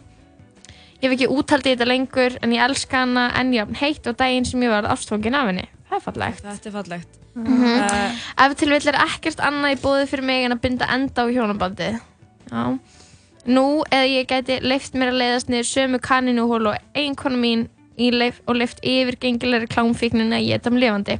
Ég er lens ráðalaus og get ekki annað en fórna höndum hvað get ég gert kæra að tala saman nú hef ég líst vandamálinu fyrir ykkur og vona innilega að þú getur veitt mér ykkur hollráð ég býð svars á óþrau með fyrirfram þökk og kærstu kveðum hveða herra ráðalaus og loðinn Herra ráðalaus og Ok, loðinn. Berglind. Já, Berglind. Þú hvað- hefur verið í samböndum Ég hef verið í svona samböndum, sko. um, og það er skemmtileg svip- tilviljun, svipuð. ég hef lendið inn á bara nákvæmlega þessu. Og hvað gerðir þau? Þetta er ég. Þú ert furry eiginkonan Ráðaleysi furry. e, sko, mér finnst svona smá, sko, í staðan fyrir að hann skili henni og hún fari eitthvað út í samfélagið, haldi áfram að hérna, eitthvað breyðu þennan bóðskap. Kannski fínt að hann myndi bara taka þessir að veist, halda áfram í sambandi með henni. Mm Mhm. Við ekki, viljum við ekki eitthvað svona minka svona skrítið klám, svona mm. vibes eða? Skrítið klám vibes Sko- Jú, eða þú veist Já, ég, já. ég bara skil ekki hvernig hann er ennþá svona ástfangin af henni Hún finnst- vera bara geggju típ eða svona Þetta er náttúrulega oft heitar. bara svona annar partur af sambandi. Kynlífið og séðan bara sambandið Neða, svona kannski svona að taka þetta á svona annar level, skilur þá getur svolítið ráðið hvað áttu þú ferði í. Ég hugsa bara, ef að kærasti minn væri furry eða þú veist, ef að þetta væri klámi sem hann væri að horfa á Já. Ég myndi bara ekki vilja vita það, skilur Nei, einmitt. En mér finnst sko eitt í þessu að, að hann sé svolítið svona eitthvað, hann vil reyna að senda hana til sálfræðings. Eða og þau segir hann fara að vera- saman til sálfræðings En bara hann, svona. hún finnst, hún finnst vera vandamál.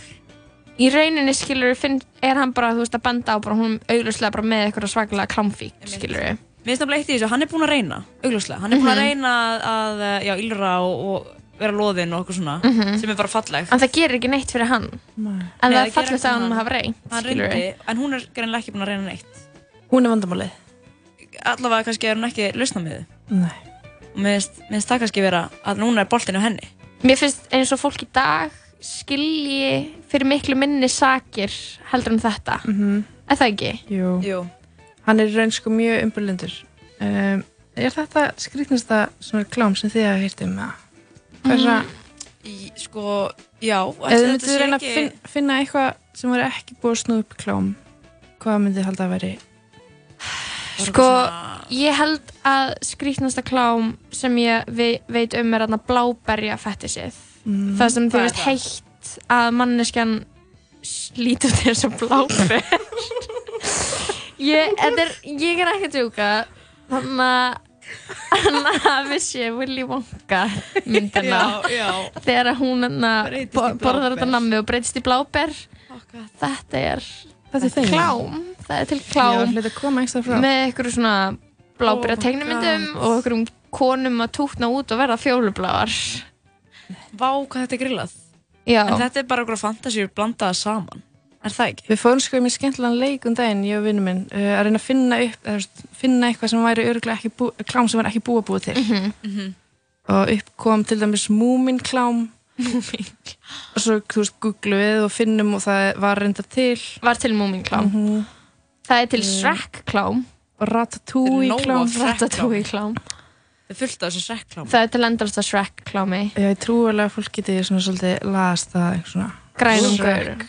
Vibes. Smá bara ekki svo ólíkir gaurunum á jamminu í Reykjavík.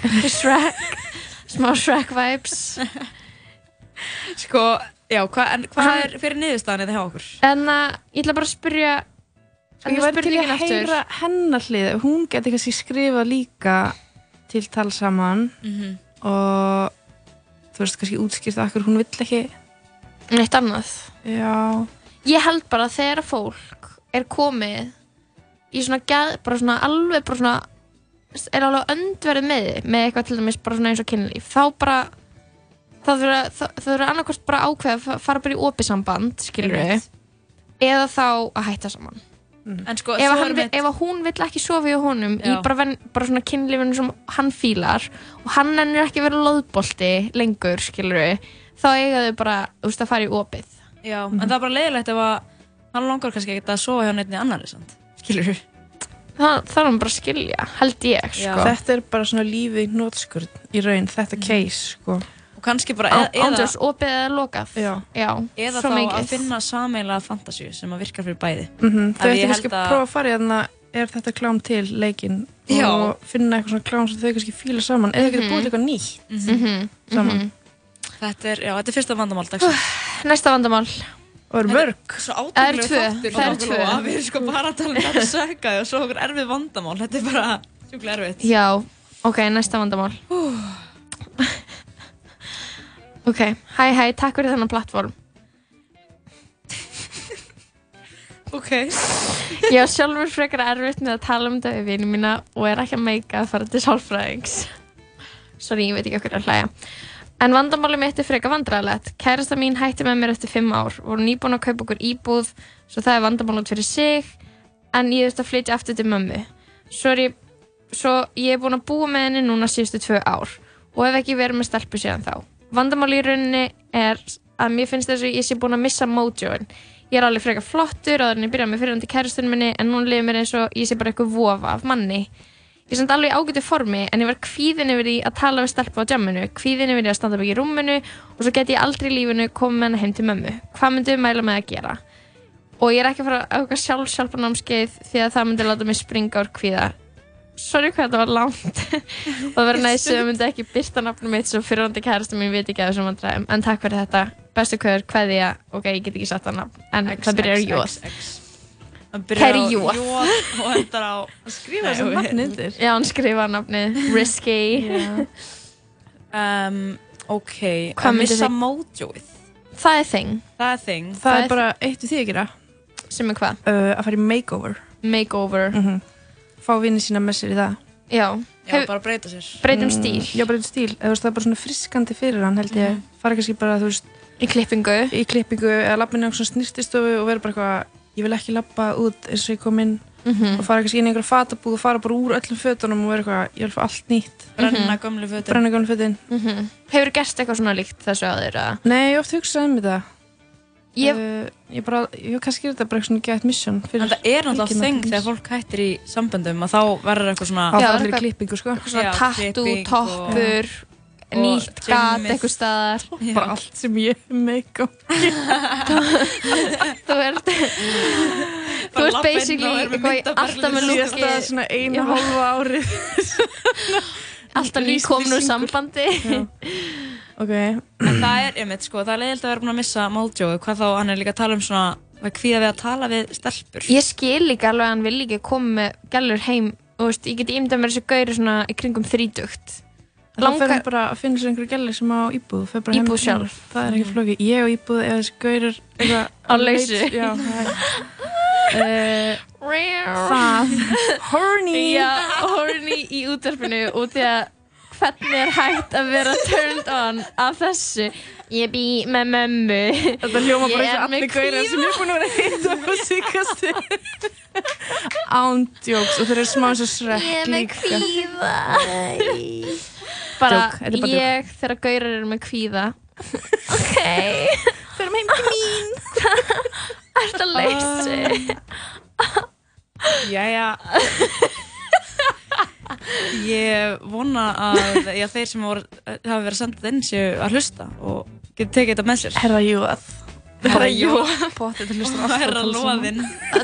Ég er samt með gameplan fyrir hann gaur. Það er það sem Berglind sagði, það er bara fara í makeover nummer 2, fá þig vinnu og flyttu út, skilur við. Já. Please. Er ekki samlega? Fyndu þér eitthvað íbúð, þú veist, það sem þú getur búið fólki heim og verið eitthvað, ég bý hérna ekki mamma mín. Eða byrju mömmu þín að flytja eitthvað annað. Já, hendu henni út. Að Já. hann í bústað yfir helgi.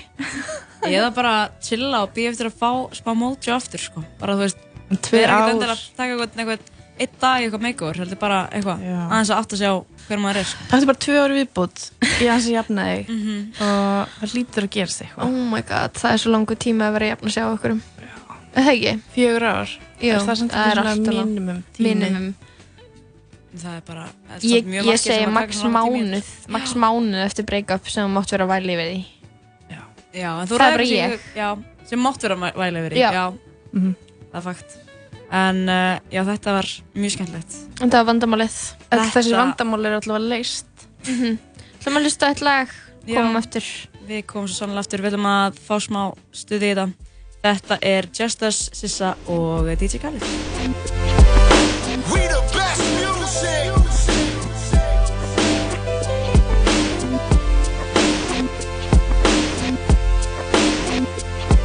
Another one.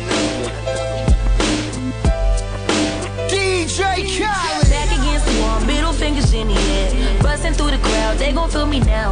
Straight shooter from the hip, yeah, we heavy in here. Tell me get 'em, then I got 'em, yeah. Get 'em.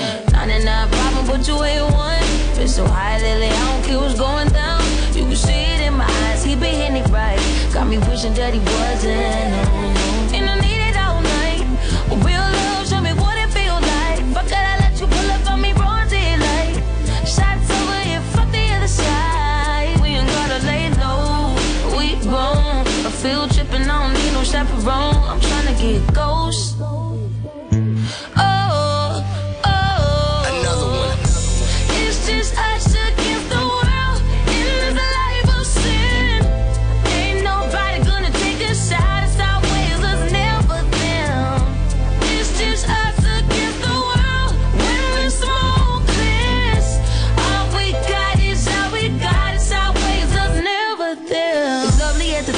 Private destination. Sipping on the rocks, only we with us. It's kind of love dangerous when it's nothing else to lose. So don't make me wild out. Let's ride. Got 99 problem, wish one more. 50 feet, get your touch at your front door. Leaving fast and we spinning slow.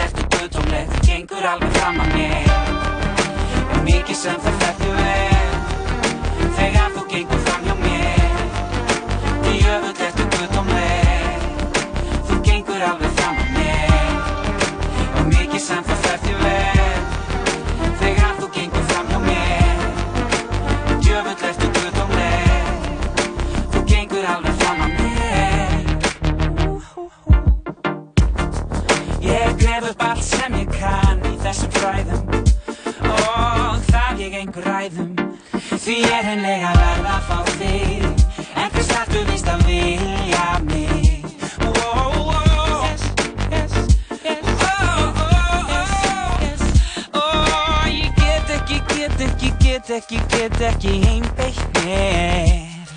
Ef að ég, ef að ég, ef að ég, ef að ég veit af þér hér. Nei þá snýst ég bara í hringi fyrir gefðu þó mér ringli. Það er þauðin þing að vefja sig af þínum fingri. Og ég verð að segja aftur og enn Þú ert gifja meðan við erum bara menn mikið sem það fætti vel Þegar þú gengur fram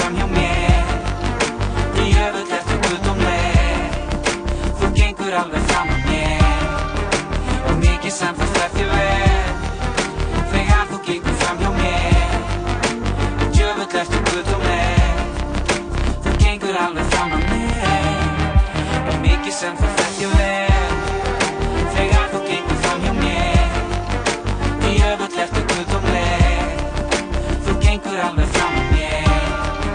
Og mikið sem þú þekkja vel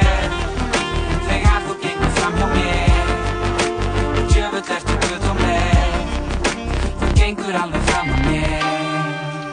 Djöfull ertu guðdómleg Þú gengur alveg fram að mér. Þú gengur alveg fram að mér. Djöfull ertu guðdómleg Þú gengur alveg fram að mér. Ok, við skulum setja hendunar upp og við liftum þessu þakki Liftum þessu þakki Svipu hreyfing og í blaki til að lifta þakki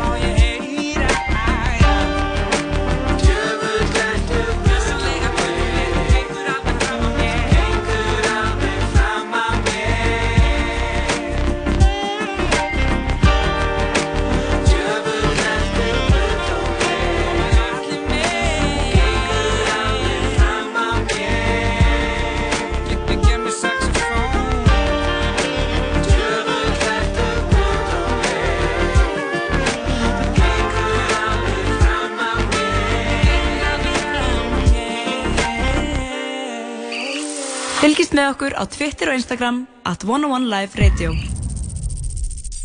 Stór og sterkur. Big Trouble er nýr sérborgari á American Style.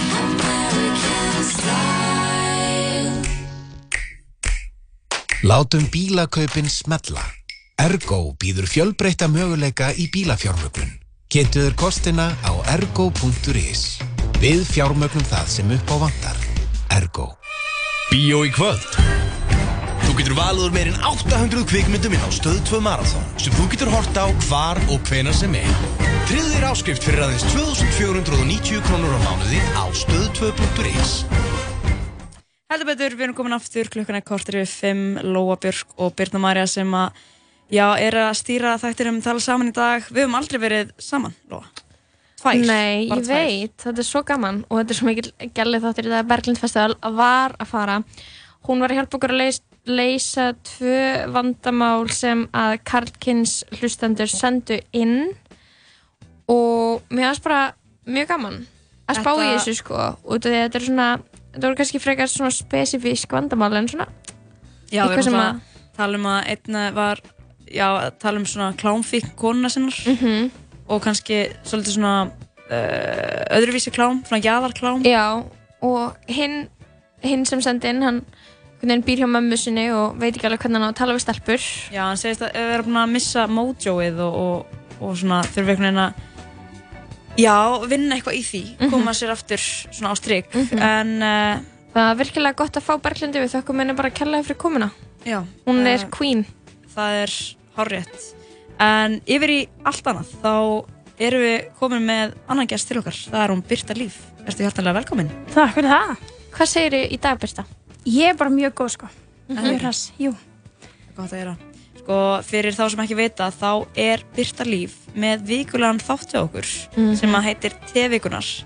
Mhm. um, þar sem að, já, þú ferð yfir svona það helsta sem er að gerast þannig út í heimi. Í Jú, jú. Já, svona, svona helsta slúðri sem er í gangi í vestrana heiminum. Eins og er. Við höfum ekki búin að færa okkur yfir íslenska slúðri eins og er, en... Það væri persónulegt, sko. Heldur að það væri ekki svona, þú veist, og, já, of eldfimt, einhvern veginn, ef þú myndir fara í Íslands slúður þá, einhvern veginn. Ég held ég myndi sko gera nafnlaust. Mhm. Mm, mhm. Já. En þú veist, nú er ég búin að segja það, þannig ég mun ekki gera það, skilji. Nei, Já, en já, I damn. Já. En svo líka bara finnst mér eins og hérna þá örgulega líka alveg úti svo sem en bara það er líka sögur fara á stað bara eitt, tveir, Já. þrýr sko Það er svo risky, maður er líka bara stundum að maður er ógeðslega erfitt að greina á milli bara, er þetta satt? Þú veist, er þetta bara eitthvað svona legasaga sem lúkka bara geða eftir raunverulega? Já, ándjóks, það er bara, það er spunnið upp úr svo litlum hlutum. Fólk getur verið að Mhm. labba allir við hlið og það, þau eru alltaf einu bara að fara Svo- bann. Já, einmitt, Samkvæmt einhverjum öðrum. Og það er alltaf eitthvað an insider, Mhm. þú veist, sem veit eitthvað Já, og maður er bara, hvernig... en, ok. En sko, ef við færum okkur já, yfir í einn vestrana heim Mhm. þá uh, varst þú núna með þátt síðasta fyrstdag byrjar að tala aðeins um já, Taylor Swift og hvað er í gangi á henni Já, sagt, já, kemur sérst alltaf út þáttur á Instagram TV hjá ykkur, One One Mhm. Live Radio, uh, á föstudum og það er frekar fínt að hafa þetta á föstum, það er annarkvæmt föstum eða mánudum sem við myndum hafa þetta á, af því þá getum við svona skúpað heilli viku saman. En einmitt fyrr í þeirri viku, veist, ég held ég gaf út þáttinn föstudaginn þar síðasta og bara á sunnudaginn sprakk alltaf upp með Taylor Swift og ég bara svona, dem, veist, það verður, það er alveg sex dagar þá getur ekki talað um þetta. Já, Mhm. einmitt. En það var samt bara frekar gott að það, þetta vindi svo hrætt upp á sig að ég er bara svona, ok, fínt að ég get sapna nógu mikið gögnum, Mhm. en gögnin yrðu síðan svo ógeðslega mikil og ótrúlega mörg að Mhm. þetta stemdi allt í það að þáttunum væri fyrir bara að vera um þetta. Mhm. En já, ég reyndi að setja þetta saman í Mhm. stutt, veist, stutt og laglegt hérna bara þátt um þetta, en í raunin það sem gerðist er að Taylor Swift postar hann einhverjum reistórum Tumblr posti sem er mjög gaman, þú veist, Tumblr er velkomið aftur. Nákvæmlega, bara er er því. Tumblr búið að vera? en hérna, já, posta sér satt um, löngum og bara hjartnæmum um, pistli um það að einna hennar aðal óvinnum hafi verið að kaupa plötufyrirtæki sem hún hefur alltaf verið hjá. En var rauninni búin að skipta. Og hún er bara ásaka hann um að hann hafi verið að leggja sig einelti yfir marga ára tímabil. Og Og sá maður er umbósmaður Justin Bieber, eða ekki? Sá maður er Scooter, já, Scooter Braun og hann er hérna umbósmaður Justin Bieber var umbósmaður Kanye er hérna umbósmaður Demi Lovato Ariana Grande Bara með svona öllum stóru stjórnunum einhvern veginn. Hjút skæi, já, Já. Veist, hann fann Justin Bieber og fór með hann til Usher veist, hann er Mhm. frægastu fyrir það, þar Mhm. kom hann sér á kortið Mhm. og svo auglustlega er hann greinlega góður í því sem hann gerir því hann er með fullt af flottum artistum hjá sér Mhm. En hérna, hann er sérst kaupir þetta fyrirtæki veist, já, kaup, hann sérhóldi fyrirtæki kaupir þetta hitt fyrirtæki Mhm. fyrir 300 miljónu dollara þú veist, þetta er engin smá þetta var ekkert eitthvað hugsað í Cortes manju, bara heyrðu, kaupum þetta til þess að pyrra Taylor, þetta var þú veist Mhm. augljóslega stór samningur gerði þarna og hérna og það sem í rauninni fer mest fyrir brjóstið að henni er að hann er núna búin að kaupa þetta þau eiga bífsögu, þess langa sögu að svona bara ósætti og, hún talar mjög mikið um það það sem særi hana mest er að hún mun ekki eiga allt þetta sem hún hefur gefið út síðan hún var 15 ára sem eru sem sagt samtal 6 plötur Mhm. þegar hún er búin að vera hjá þessu fyrirtæki sem hún var 15 og hún mun ekki eiga masterinn sem því að þetta er spilað þá fær hún ekki borga fyrir það Mhm. og þú veist, svoleiðis og það var það sem rauninni fór mest fyrir brjóstaðunni en kemur síðan í ljós um eitt þegar allir fara að tjá sig hún hefur aldrei átt masterinn sinn Nei. Já, ok. Þannig að, Það var í rauninni ekki neitt að breytast. Í rauninni ekki, henni var bóðið áframhaldandi samningur þarna og það þýtti, þú veist, kemur sérst fyrrum umbósmannina sem hún var nýbúin að hætta með, Mhm. hann sem heitir Scott og hann segir bara, wow, byrju, þú veist, Taylor, við byggum þér, veist, við buðum þér að koma að, Mhm. þú veist, og gera áframhaldandi samning áður en Mhm. þessi, áður en hérna hinn kefti þetta, við buðum þér að koma Mhm. og þú myndir eignast alla masteriðin yfir þessar sex ára plötur sem þú ert búin að gefa út nema Mhm. að þú skrifar um 20 ára samning veist, þannig að samningu var bara ok, ég er alltaf að fara að vera þarna Mhm. og maður veit aldrei hvað þau eiga langan feril inni skilur Mhm. þannig að 20 ár áfram og hún sagði nei við því en það var ekkit bad blood þar, það var bara, hún sagði bara nei og fór til Universal Mhm. en hérna, þannig að hún átt aldrei masterinn Mhm. og, en núna er bara pyrrandi að skútir eiga masterinn Já, já, já, og þegar hún fílar hann ekki. Já, Sko, nákvæmlega er hún ekki smá drama drottning, hún Taylor Swift? sko, ah, þannig erum við að stíga svo sko hálan ís af því að fólk sem er Taylor eða sem eru sviftarar þeir eru fríkin sviftarar sko, þú mátt ekki segja orð. Um, þannig, sko. þannig ég er svona, ég reyndi að passa mig, ég er ekki hlutlaus, ég er það ekki af því að þú veist, ég er alveg með, ég er búin að mynda með skoðun þannig ég er svona reyndi að hafa þetta sem þú veist, mest unbiased og ég gat, en bara jú, hún er það, sorry. Einmitt. Já, hún er dramadrottning. En svona líka nær hún alltaf að stila sviðsljósinu. Hann Líka bara stutt síðan þegar hún gerði það myndband. Já, hún er alltaf að láta eins og veginn, þú veist, það sé allir alltaf að vera vondi við hana. Já, pínu, pínu svoleið sko. Já. Ég setti hérna í Instagram ég ætla bara að checka á þessu. Ég setti hérna bara í Instagram story bara fyrir dag, ég held að fyrir tveim tímum síðan eitthvað. Bara þú veist, á hvort hliðinni eru þið? bara til þess að checka. Mhm. Að því, þú veist, ég var ekki viss. Og það var 63% voru alveg skúta hliðinni Wow. af þeim sem söruðu sko. Þannig að, já. Magnað. Og þetta er, þetta er eitt af því sem að þú talar um hana í Ég held ég sé Já. hvoru, sko. Þætti vikunar Ég, ég held að sé safe að vera hvoru.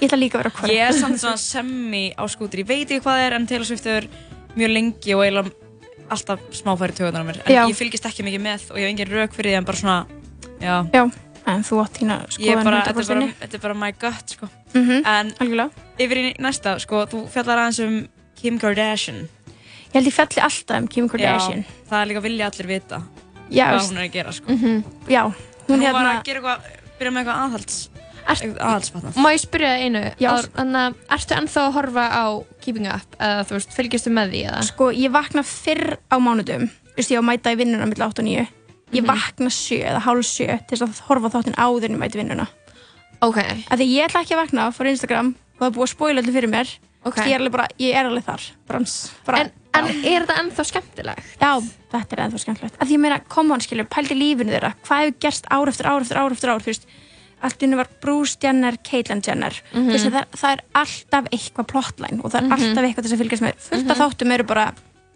freka tómlegir og bara fill-in síns að þau eitthvað stríða mömmu sinni sem er svona, "Nei, já, þú veist,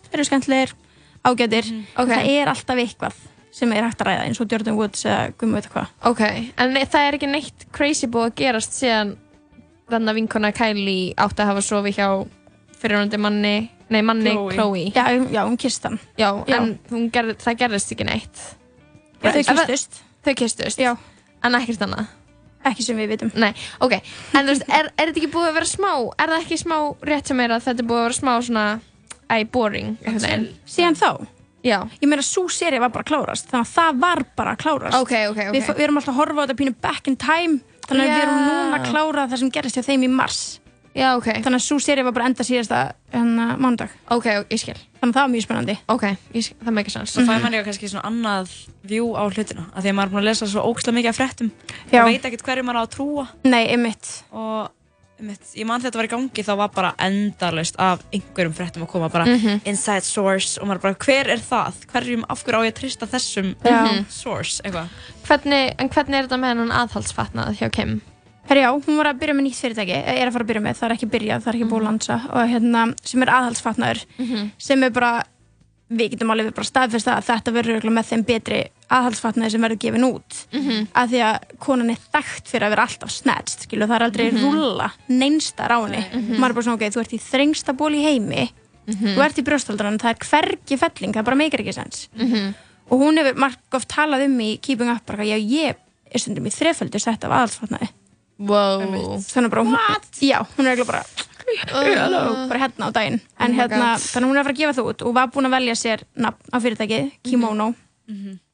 En fó, fekk svo þvílikt heit og backlash fyrir það Mhm. af því að það er, unis, það er nafni fyrir hérna, þjóðabún, einn af þjóðabúningum Japans. Mhm. sem er hérna ég þið getur sé mynda En þessu það mun allir eftir líka kimono, þetta var gett mikið tísku.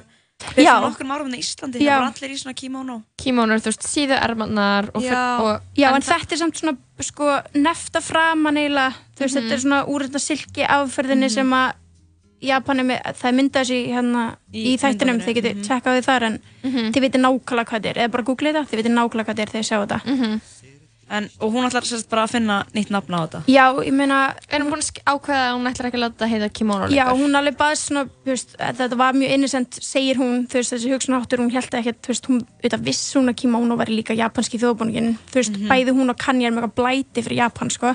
Hún sagði sko, ég veit hún sagði fyrst ætla hún ekkert að bakka með þetta. Nei, Fyrst var hún eitthvað svona, ok,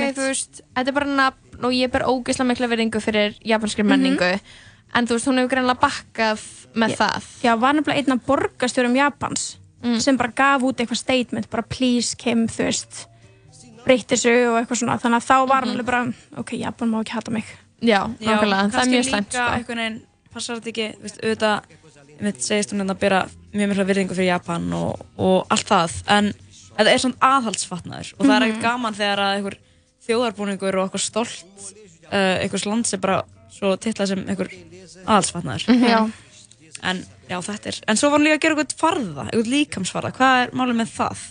Já, er, Ég skil ekki. hérna, hún var að gefa út, hún er sérst greind með psoriasis, hún kem, sem er bara mjög þekktur hérna húðsjúkdómur.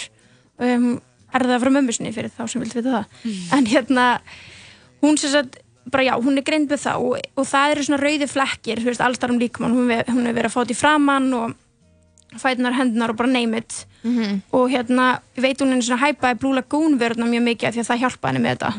Og, þú veist, og, og lónið er sko með eitthvað svona læknalón fyrir sérstaklega fólk með veist, eins og, og psoriasis. En þannig að hún var að gefa út á dögunum farða sem er bara líkamsfarði sem er rauninni bara make fyrir fætur og hendur. Sem er bara svona, wow, þú veist þurfum við það, Já, ok, Mhm. what, bara eitthvað. En svo bara komið ljós, bara fjölda fólk sem er með alls konar húðvandamál eða með grófa, þú veist hárvexti, að þú rakaði þú ertu kannski með svona já, og dökkar holur.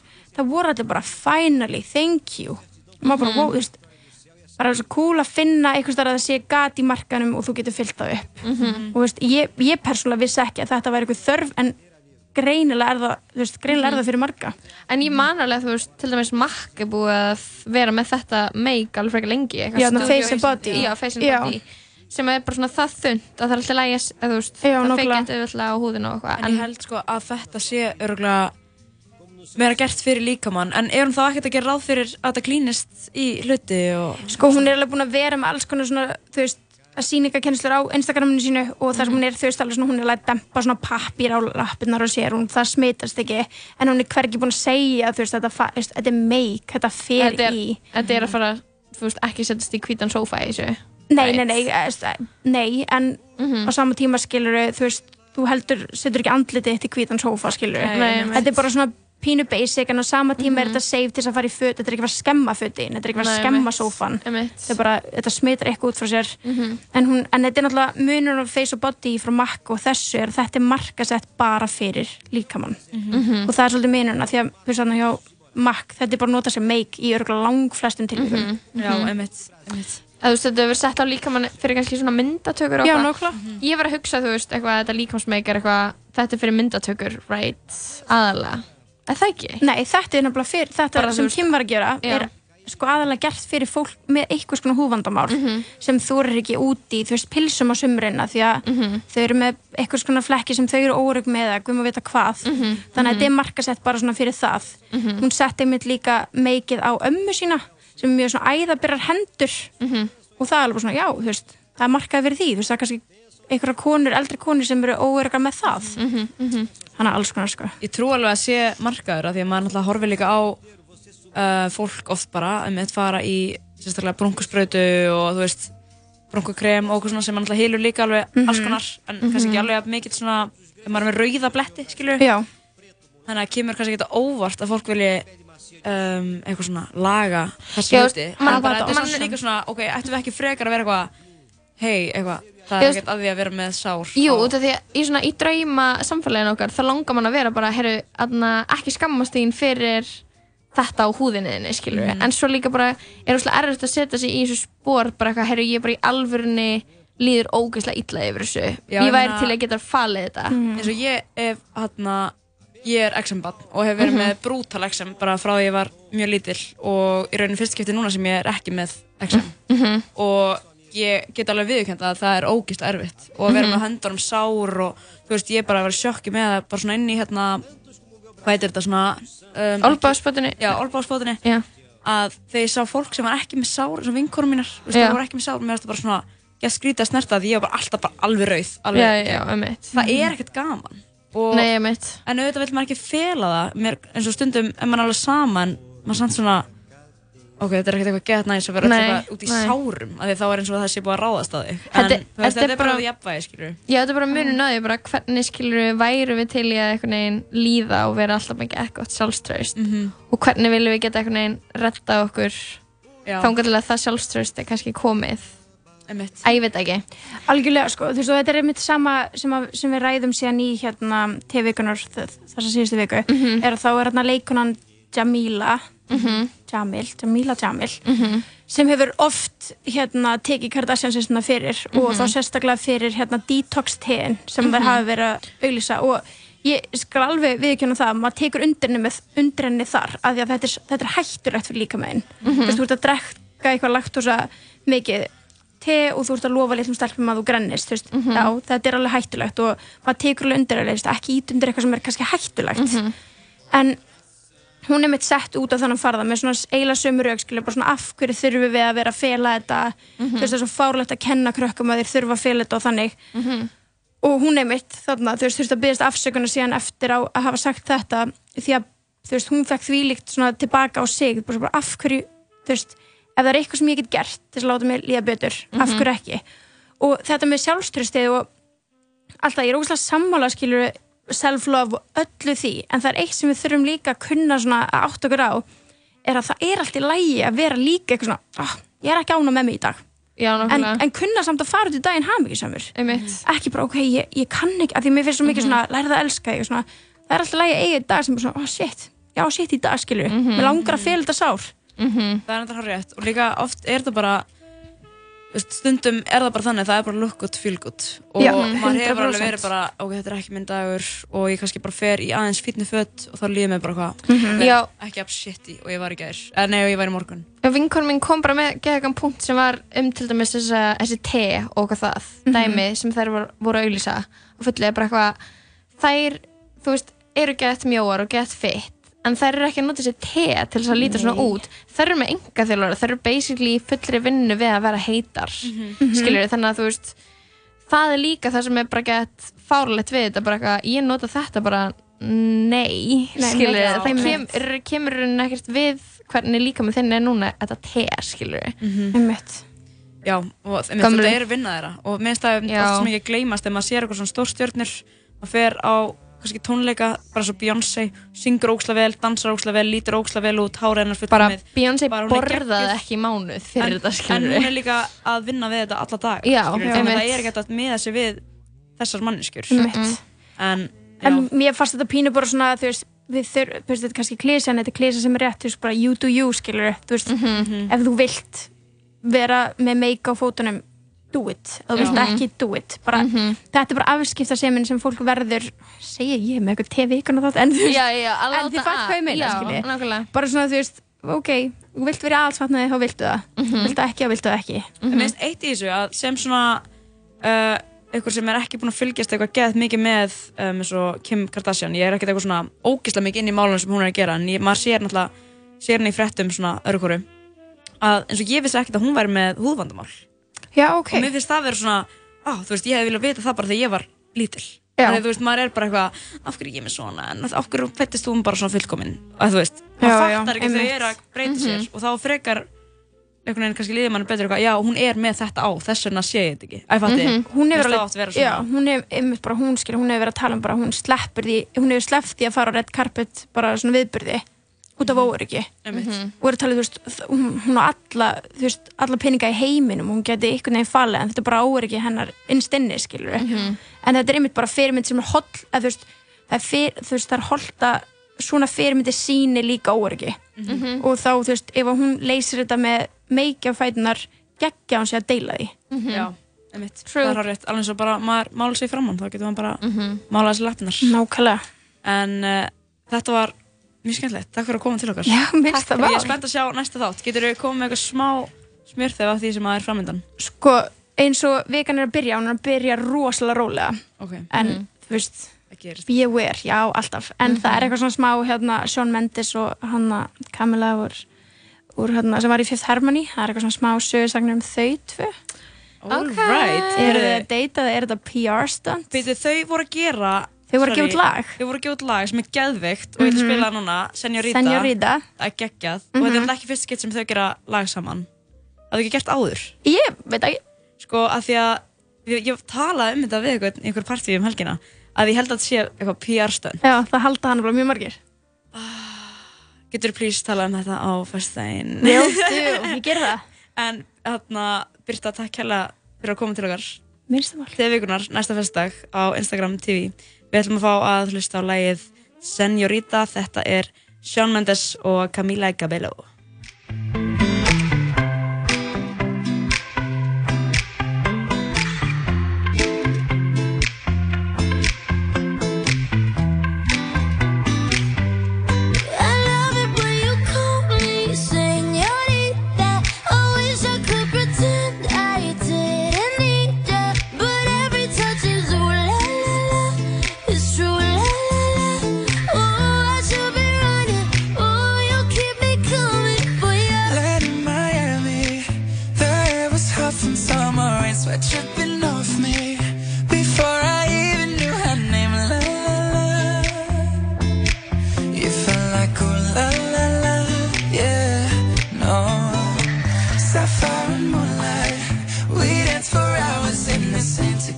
sunrise.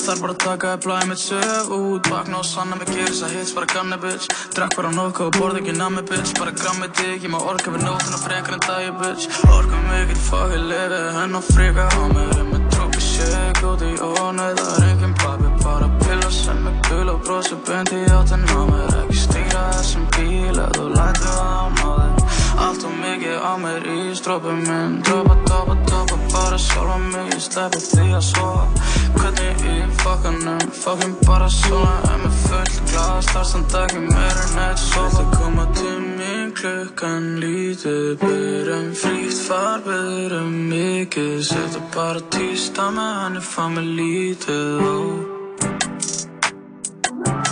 Viltu koma til mig klukkan lítið Byrjum frítt far, byrjum mikið. Settu bara tísta með henni, fæ mig lítið oh. Mig á mig, þú veist að ég þarf að sjá þig Já þau vita ekki sér hvað tjá mig En með mikið að vita að virkar á mig nú Sér hvernig ég hafa eins og ég er í hó Byrjaði að gera þetta til, gerði þetta til fyrir mig Vexaði þér ekkert að þið, kaup þetta shit Sama hvað sem mikið,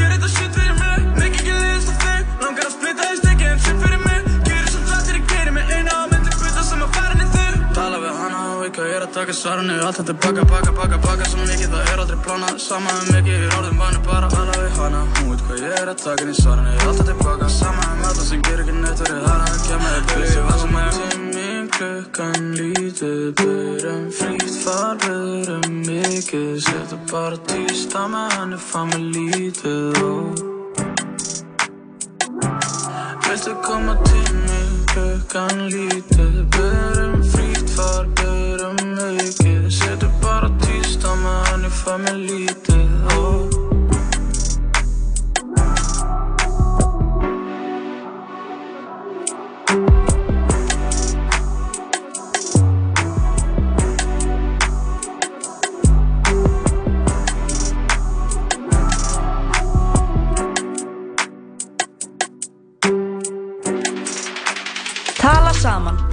virka daga, millir fjögur og sex. Í bóði Dominos og Spiderman Far From Home frumsinn 3. júli Thrilla! Þið veitir hvað ég á við? Dominós! Gommugláp og bland í boka í kvöld. Stöðtvö marathón er stútfullt af frábærum þáttaröðum sem þú getur hort á hvar og hvena sem er. Tryggðir áskrift fyrir aðeins 2490 krónur á mánuði á stöð2.is. Hamburgerabúla Tómasar, þriðudagstilbóð, þriðudagstilbóð. Hamburgerabúla Tómasar. Nýja kolvetnaskerta keaskýrið er komið í búðir. Kjörið fyrir alla sem vilja draga úr kolvetnum án þess að gefa neitt afslátt af góðu bragði. Þú verður að smakka. Keaskýr. Landsbankin kynni Stock chose you Eftir atbyrði Avengers Endgame þarf Spider-Man að stígu Are you going to step up or not? Til að takast á við nýjar ógnir I just really miss him Í heimi sem hefur breyst að eilífu I don't think Tony would have done what he did if he didn't know that you were going to be here after he was gone. Spider-Man Far From Home Frumsýn 3. júli Big Trouble er nýr sérborgari á American Style í bóði í takmarkaðan tíma. Útvarp 101 Já, klukkan er uh, kortir í sex á þessum fína þriði degi og uh, Lóa Björk og Birta Marja með þér. Við erum búin að vera með mikinn gestagang. Í tala saman Tala saman Birna, erst þú búin að sjá þessu Spiderman mynd? Uh, Spider-Man, já, Far ég er búin from að... home. uh, já, ég er búin að sjá hana. Ég sá hana í síðustu viku. Er það skemmtileg? Hún er mjög skemmtileg. Ég Ok. hérna, var ekki búin að sjá myndunar undan, sko, og fór að þessa og vissi í rauninni bara, veist, að því að útvarpsauðlýsingin sem er á öllum stöðum landsins, Mhm. hún spoilar fyrir manni, skilur. Hvernig? Hvað er spoilið? Ég ætla ekki að segja, Ok. en En þetta er góð mynd og mikil húmor í henni um, heldur manni svona við efni allan tíman og bara bara létt ljúf og kátt en, en mér, Eins og þessi sko, þáttur. eins og þessi þáttur en ég er sko rosa mikil fan af hérna, hinni Spiderman teiknumyndinni Já, Into the Spider-Verse. já, hún er ekki Mér langar að sjá hana líka. hún er sjúk sko en allavega Spider-Man fær aðeins að við setjum, hann aðeins upp á heituna Pásu. smá pása Ok, um, við vorum að kveða hana Byrtulíf Ólafs. Já. Queen. sem er með vikulega þætti hjá okkur á Instagram TV TV-vikunar TV-vikunar svo, þetta er svo næs ég horf á fimm mynda langt mynd, myndband og mér finnst ég vita allt sem er að gerast Mhm. í uh, já, þessum stjörnu heimi Svo mikil uh, popkultúr þekking, sko. Já. En þarna te er þarna er frasinn spill the tea Mhm. og mér er skett fyndið að hann sé notaður á Íslandi og því, að, og hann meikar ekki sens þú veist, á Íslandi, skilur Nei, en einmitt. við erum bara svona búin að þýða hann yfir frá svona bandarískri menningu Já. mér finnst það bara snilt Mhm. Eitthvað, ég fíla það nafn sko, TV-vikunar Já, mér, mér líka, ég vissi náttúrulega ekkert hvað var að vera að reffi þegar að ég Mhm. heyrði það nafn, ég var bara eitthvað, mm, cool. Og Já, svo fór ég bara að googla bara Urban Dictionary. Já, já, já, eitthvað T stendur fyrir truth og það hljómar eins og T. Mhm. T, já, ok. Allavega. Allavega. Uh, Þetta var teið Þetta var svona, já, smá recap af TV-vikunar frá því síðustu viku og ég býð spennt eftir fyrir næstu, eða næsta þetti sem kemur á fyrstu daginn en svo var Berglind Festival hjá okkur aðan það var ógeðslega gaman að fá hana. Mm -hmm. Hjálpa Hún- okkur að leysa svona raunverulega vandamál hlustenda. Já, og ef að uh, þú hlustandi góður ert með vandamál sem að við gætum kannski já, reynt að leysa eða koma með hugmyndir að lausnum þá er hægt að senda post á info at 101.live Mhm. og ef þú vilt vera nafnlaust þá er það ekkert mál. Ef þú vilt búa til sér nafnlaust mail og senda þá er það ekkert mál. Það er rosa auðvelt að gera það sko. Það er mjög auðvelt að gera það og, og uh, já, við erum bara til í allt. Við vorum áðan að tala um um, já, konu einhver sem er þá með eða nei, Klámsjúk kona. já, klámsjúk kona og gaur sem er búin að missa mojoið þannig að uh, já, það er við, getum, við tökum við öllu öllum vandamálum og fáum oft svona sérstakann ráðgjafa til okkar og að þessunni þá var það Berglind Festival. Mhm. eða Sæta Festival. Sæta Festival. Svo sæt, með topp. En uh, svo á undan því Já, undan því þetta sökkaði. Það var þetta sökkaði, það var átakalegt í dag. Mm. Þetta voru um, Mhm. tveir Æl- viðmældur Ælupestan hans Begga og deitin hans Péturs Martins Já, úf, þetta var erfitt. Mhm. Uh, getum, það, það er þetta nálgast þetta allt inn á, inn á netinu sko. já, já, já, já, þetta verður um því. allt á öllum stöðum um, Já, að búið að koma í ljós það er frétt hérna, búið að koma í ljós hvar það var, var eitthvað svona svakaleg E. coli síking Eitthvað wave Já, eitthvað wave, nýja wave í vikun er E. coli Eitthvað tíu um, tíu börn sem eru, þú veist voru á spítala út af E. coli bakteríusíkingu sem er svo leðilegt sko. En þau verðast öll hafa smitast á ferðaþjónustu bænum Efstadal 2 í Bláskóðabyggð fyrir tíu, dög, tíu dögum til þrejum viku síðan. Þetta er bara núna nýla Aha. Oh shit. Já, og svo þú veist, þetta eru tíu börn og níun, tíunda barni er talað af smitast af sískinu sinu og um, það er sérst veitingin sko hvernig ok, ég ætla bara að segja hérna. Uh, um, já, eitthvað svona E. coli bakterían sem síkti börnin fannst einni í hægða síni frá kálfum á staðnum. Ekki vita með vissu hvernig smiti barst í börnin en frekar rannsóknir á hugsanlegum smitluðum á staðnum standi enn yfir. Þannig að þú veist þau, það var eitthvað svona sama bakterían í hæð, þú veist, kúknum á beljónum á staðnum og í börnunum. Þannig að þú veist, voru þau inn í fjósinu eða um, uh, Já, Gross. ég er náttúrulega að gera mér ekki alveg grein fyrir hvað þetta er. Þú veist, er þetta bara eitthvað svona hlutur sem að var inn í þeim? Þú veist, sem er í matnum Mhm. hjá manni? Já, eða þú veist Þetta er ekki beint eitthvað sem er eitthvað svona eins og eitthvað svona flensa. Nei. Ok, Vá, Mhm. þetta er meira svona einhver aðskota hlutur sem er í ef við komist í eitthvað mat. Mhm. Úff maður, þetta er ég fæ bara svona hroll við að hugsa til þess að eitthvað börn séu með þetta. Mm og maður verður mjög veikur af þessu sko mitt, við náttúrulega erum með eða það er sérstakur svona já, innanhús starfsmæður hérna eða starfsmæður innanhús sem að hefur verið að glíma við ekoli í síkingu sem að hefur verið Ah, já. já. bara manneski sem fekk einu svona E. coli Já. á skellfiskmarkanum Einmitt, Þannig- rip in peace já, og skellfiskmarkanum fór síðan bara á hausinn út af þessum það voru eiginlega bara allir að fá E. coli sem voru að borða Þetta var ekki alveg nóg gott sko en, en þetta var stemningsstaður samt Fórst þú eða? Ég hef aldrei farið að borða en það var hægt að fara í drikja þarna Já. Efri hæðinni og það var stemmari þau með eiga það Þau, vo- nei, voru með geðveika Koktela Já, voru með happ, gimlet og happy hour koktela og þetta var bara stuð og stemning og alltaf nóga pláss og mann leiði svona smá eins og maður væri í útlöndum Já. eins og ég væri í Las Vegas eða eitthvað Mhm. allir svona þjónaðir í eitthvað svona bláum vestum og með slaufu og allavega Mhm. hann að E. coli, já en já, ég er skítrætt við þetta líka, þetta er bara eitthvað út í sveit í bláskóða byggð þar sem að uh, næstum bara helmingur landsmála er náttúrulega bara með bústa þar sko Mhm. Stay safe Oh my god Og efsti dalur er cancelled Já, þar höfum við það, Lofbjörg Já Sko, uh, fórst þú á Lykke Lí í, í síðustu viku? Mm, Nei, en þú? Já, ég er nefnilega skellt mér og ég uh, þekkt hana ekkit sérstaklega mikið fyrir ég var ekkit eitthvað að hlusta sjúklega mikið á lögin hennar Mm. þannig að, að þegar maður er að fara artista og maður kann ekkit öll lögin það er alveg svona smá erfitt af því að Já. artistin þarf þá að vera óslega góður live til þess að maður sé bara að skemmta sér á tónleikum Og var hún það? Hún var styrluð, hún var Ok. geggjuð og það var ógislega gaman og ég er bara mikill aðdáðandi núna En tókstu eftir því sem uh, Guðrún var að segja áðan um það sem Likki var að posta á Ég grammið? náttúrulega- Ég er endur ekki að follow hana á gramminu, verða að viðkynna það en hún var að segja eitthvað svona hún væri með eitthvað smá lítið lýsir þegar hún væri one hit wonder Já, hún sem sagt post sett eitthvað í story í gær Mhm. að hún væri bara, já, Likki sjálf, söngunan, væri bara lí, lítið lýsir, ætlaði að hætta og væri bara one hit wonder. Og svo bara eitt um því og var bara, herru, back on track. Æ, ef hún ekki bara verið eitthvað aðeins niðri. Jú, en það er, sem, það er, svo, það er svo crazy að vera svona ókslega frægur og vera niðri, posta því í story og allir sjá það. Já, en sko máli er að, þú veist, það sem hún er röglega reffi er lagið I Follow Rivers sem að fyrst að þekkja. Já. Og það er stemningslag sem er með þessa remix og remix er uh, með 100 miljónir fleiri spilanir heldur en upprunalega lagið. Mhm. En upprunalega lagið má eiga það að það er með 76 miljónir spilana á Spotify þar segja.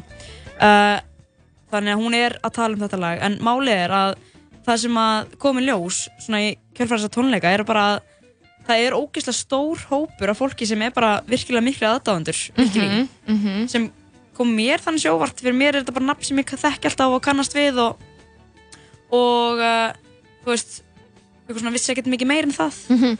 en fullt af fólki bara já ég er búin að hlusta hana síðan 2008 þá hún gáð þessa blötu og ég er bara Mhm. what? Mhm. Þannig að er ég held hún sé þú veist þetta er ekkert rétt sem hún er að segja um sjálf hansi hún er ekkert one hit wonder hún er Nei, bara enga fálega veginn, góður sko. tónlistamæður Þótt hún eigi eitt fræg, ábyrjandi frægasta lagi er hún klálega ekki one hit wonder, hún er geð hæfileikarík. En já, hún postaði á grammið núna fyrir nýju klukktímum. Ok, back at it, see you tomorrow, Madrid. Þannig að Lillan Hún er bara ferskari í dag. þessi risastóra lilla sko ég segi áður en að við eh, já svona slútum þessu þætti þá ætlum við að fá að hlusta á eitt lag með Lykke Lý og þetta er lagið Deep End og er bara Uppáhaldslægið mitt með henni eða oh yeah Deep End Lykke Lý gerir svo vel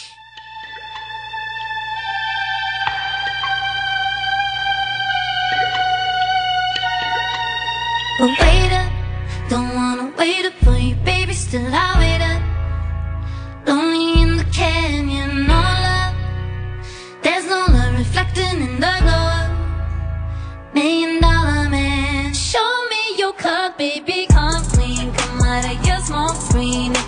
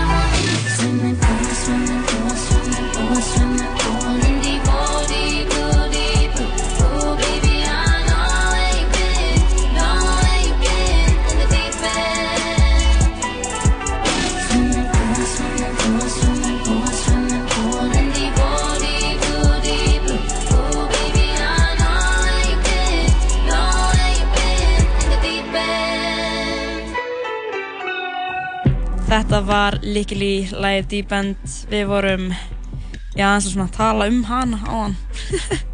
Hún tala um hana. Hún var lítið lýsar í gæri á gramminu en Já. hún er bekka erinn í dag. Lillan, risastóra Lillan. Mm. En uh, Lofbjörg, það er búið að vera indislegt að vera með þér í útvarpinu. Það er búið að vera algjör heiður að fá að vera með þér inn í dag í stelpu þættinum. Bara Já. konu gestir. Já, og svo bara gaman. kallar sem að voru með þetta sökkaði. Já, og því að kallar sökka. Já, einmitt. Ég er að djúka. Já, þetta er búið að vera um, stútfullu þáttur. Um bara þetta sökkaði. Við náttúrulega gleymum Helga Grím. Við ringdum í hann í uppæð þáttarins. Hann sagði við okkur að hann væri á tálknafyrði og við ætlum að heyra í gaur á tálknafyrði til þess að taka púlsinn á landsbyrni og það var hann í Reykjavík. Mm, ok. Hann, er- hann er ekki cancelled alveg strax. Nei, hann er kostur í að vera cancelled. Mér fannst þetta samt vera svo mikið mood. Hann var bara eitthvað, já, ég fekk bara eitthvað eitthvað svo margar skemmti- 12 tíma vaktir Já, í sundleginni. og svo bara hvað ég ætla að keira í bæinn og klukkan er tíu að kvöldi til og þú ert á vestfjörðum og hann læðist að klukkan tíu og kom til klukkan þrjú um nóttina og Mhm. ætlar að fara aftur í kvöld Mhm. Meina, hann er búin að vera einn og halvan dag hérna og, og mér finnst þetta að vera svona lýsir þetta borga bönnum, skilur Mm, er algjörst Reykjavíkur og það sem hann gerir var að fara bara í graf og slaug bara, dude, þú vinnur í sundleik en um, við ætlum að uh, já, fara að sleifa þessum þætti. Já, ég ætla stöðunni. Hendum okkur heim. Hendum okkur heim. Það er nýtt dagur á morgun en uh, Lóa, takk kærlega fyrir að vera hérna með mér. Thank you. Og þakka þér kærlega stundi fyrir að lusta hérna á okkur. Uh, Þetta átturinn var svo aðgengilega á Spotify Erum þar Spottinu En uh, við ætlum að, uh, já, kveðja ykkur að sinni Og það er lagið Non-Stop með Drake sem að færa að slaufa þessum þætti Bye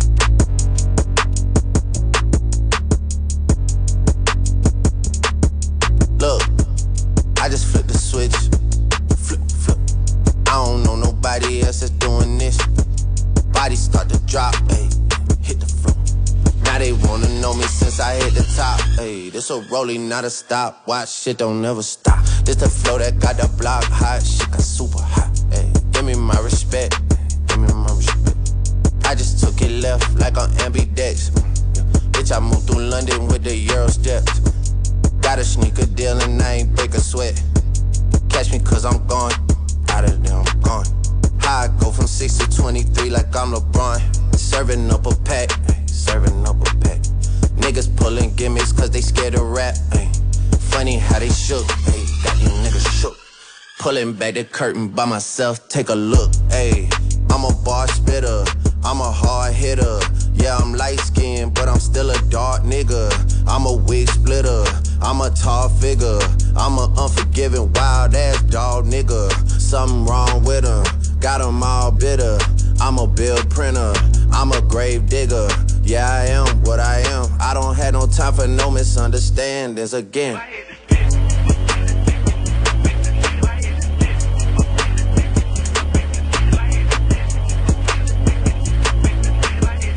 It's a rolling, not a stop. Watch shit don't never stop.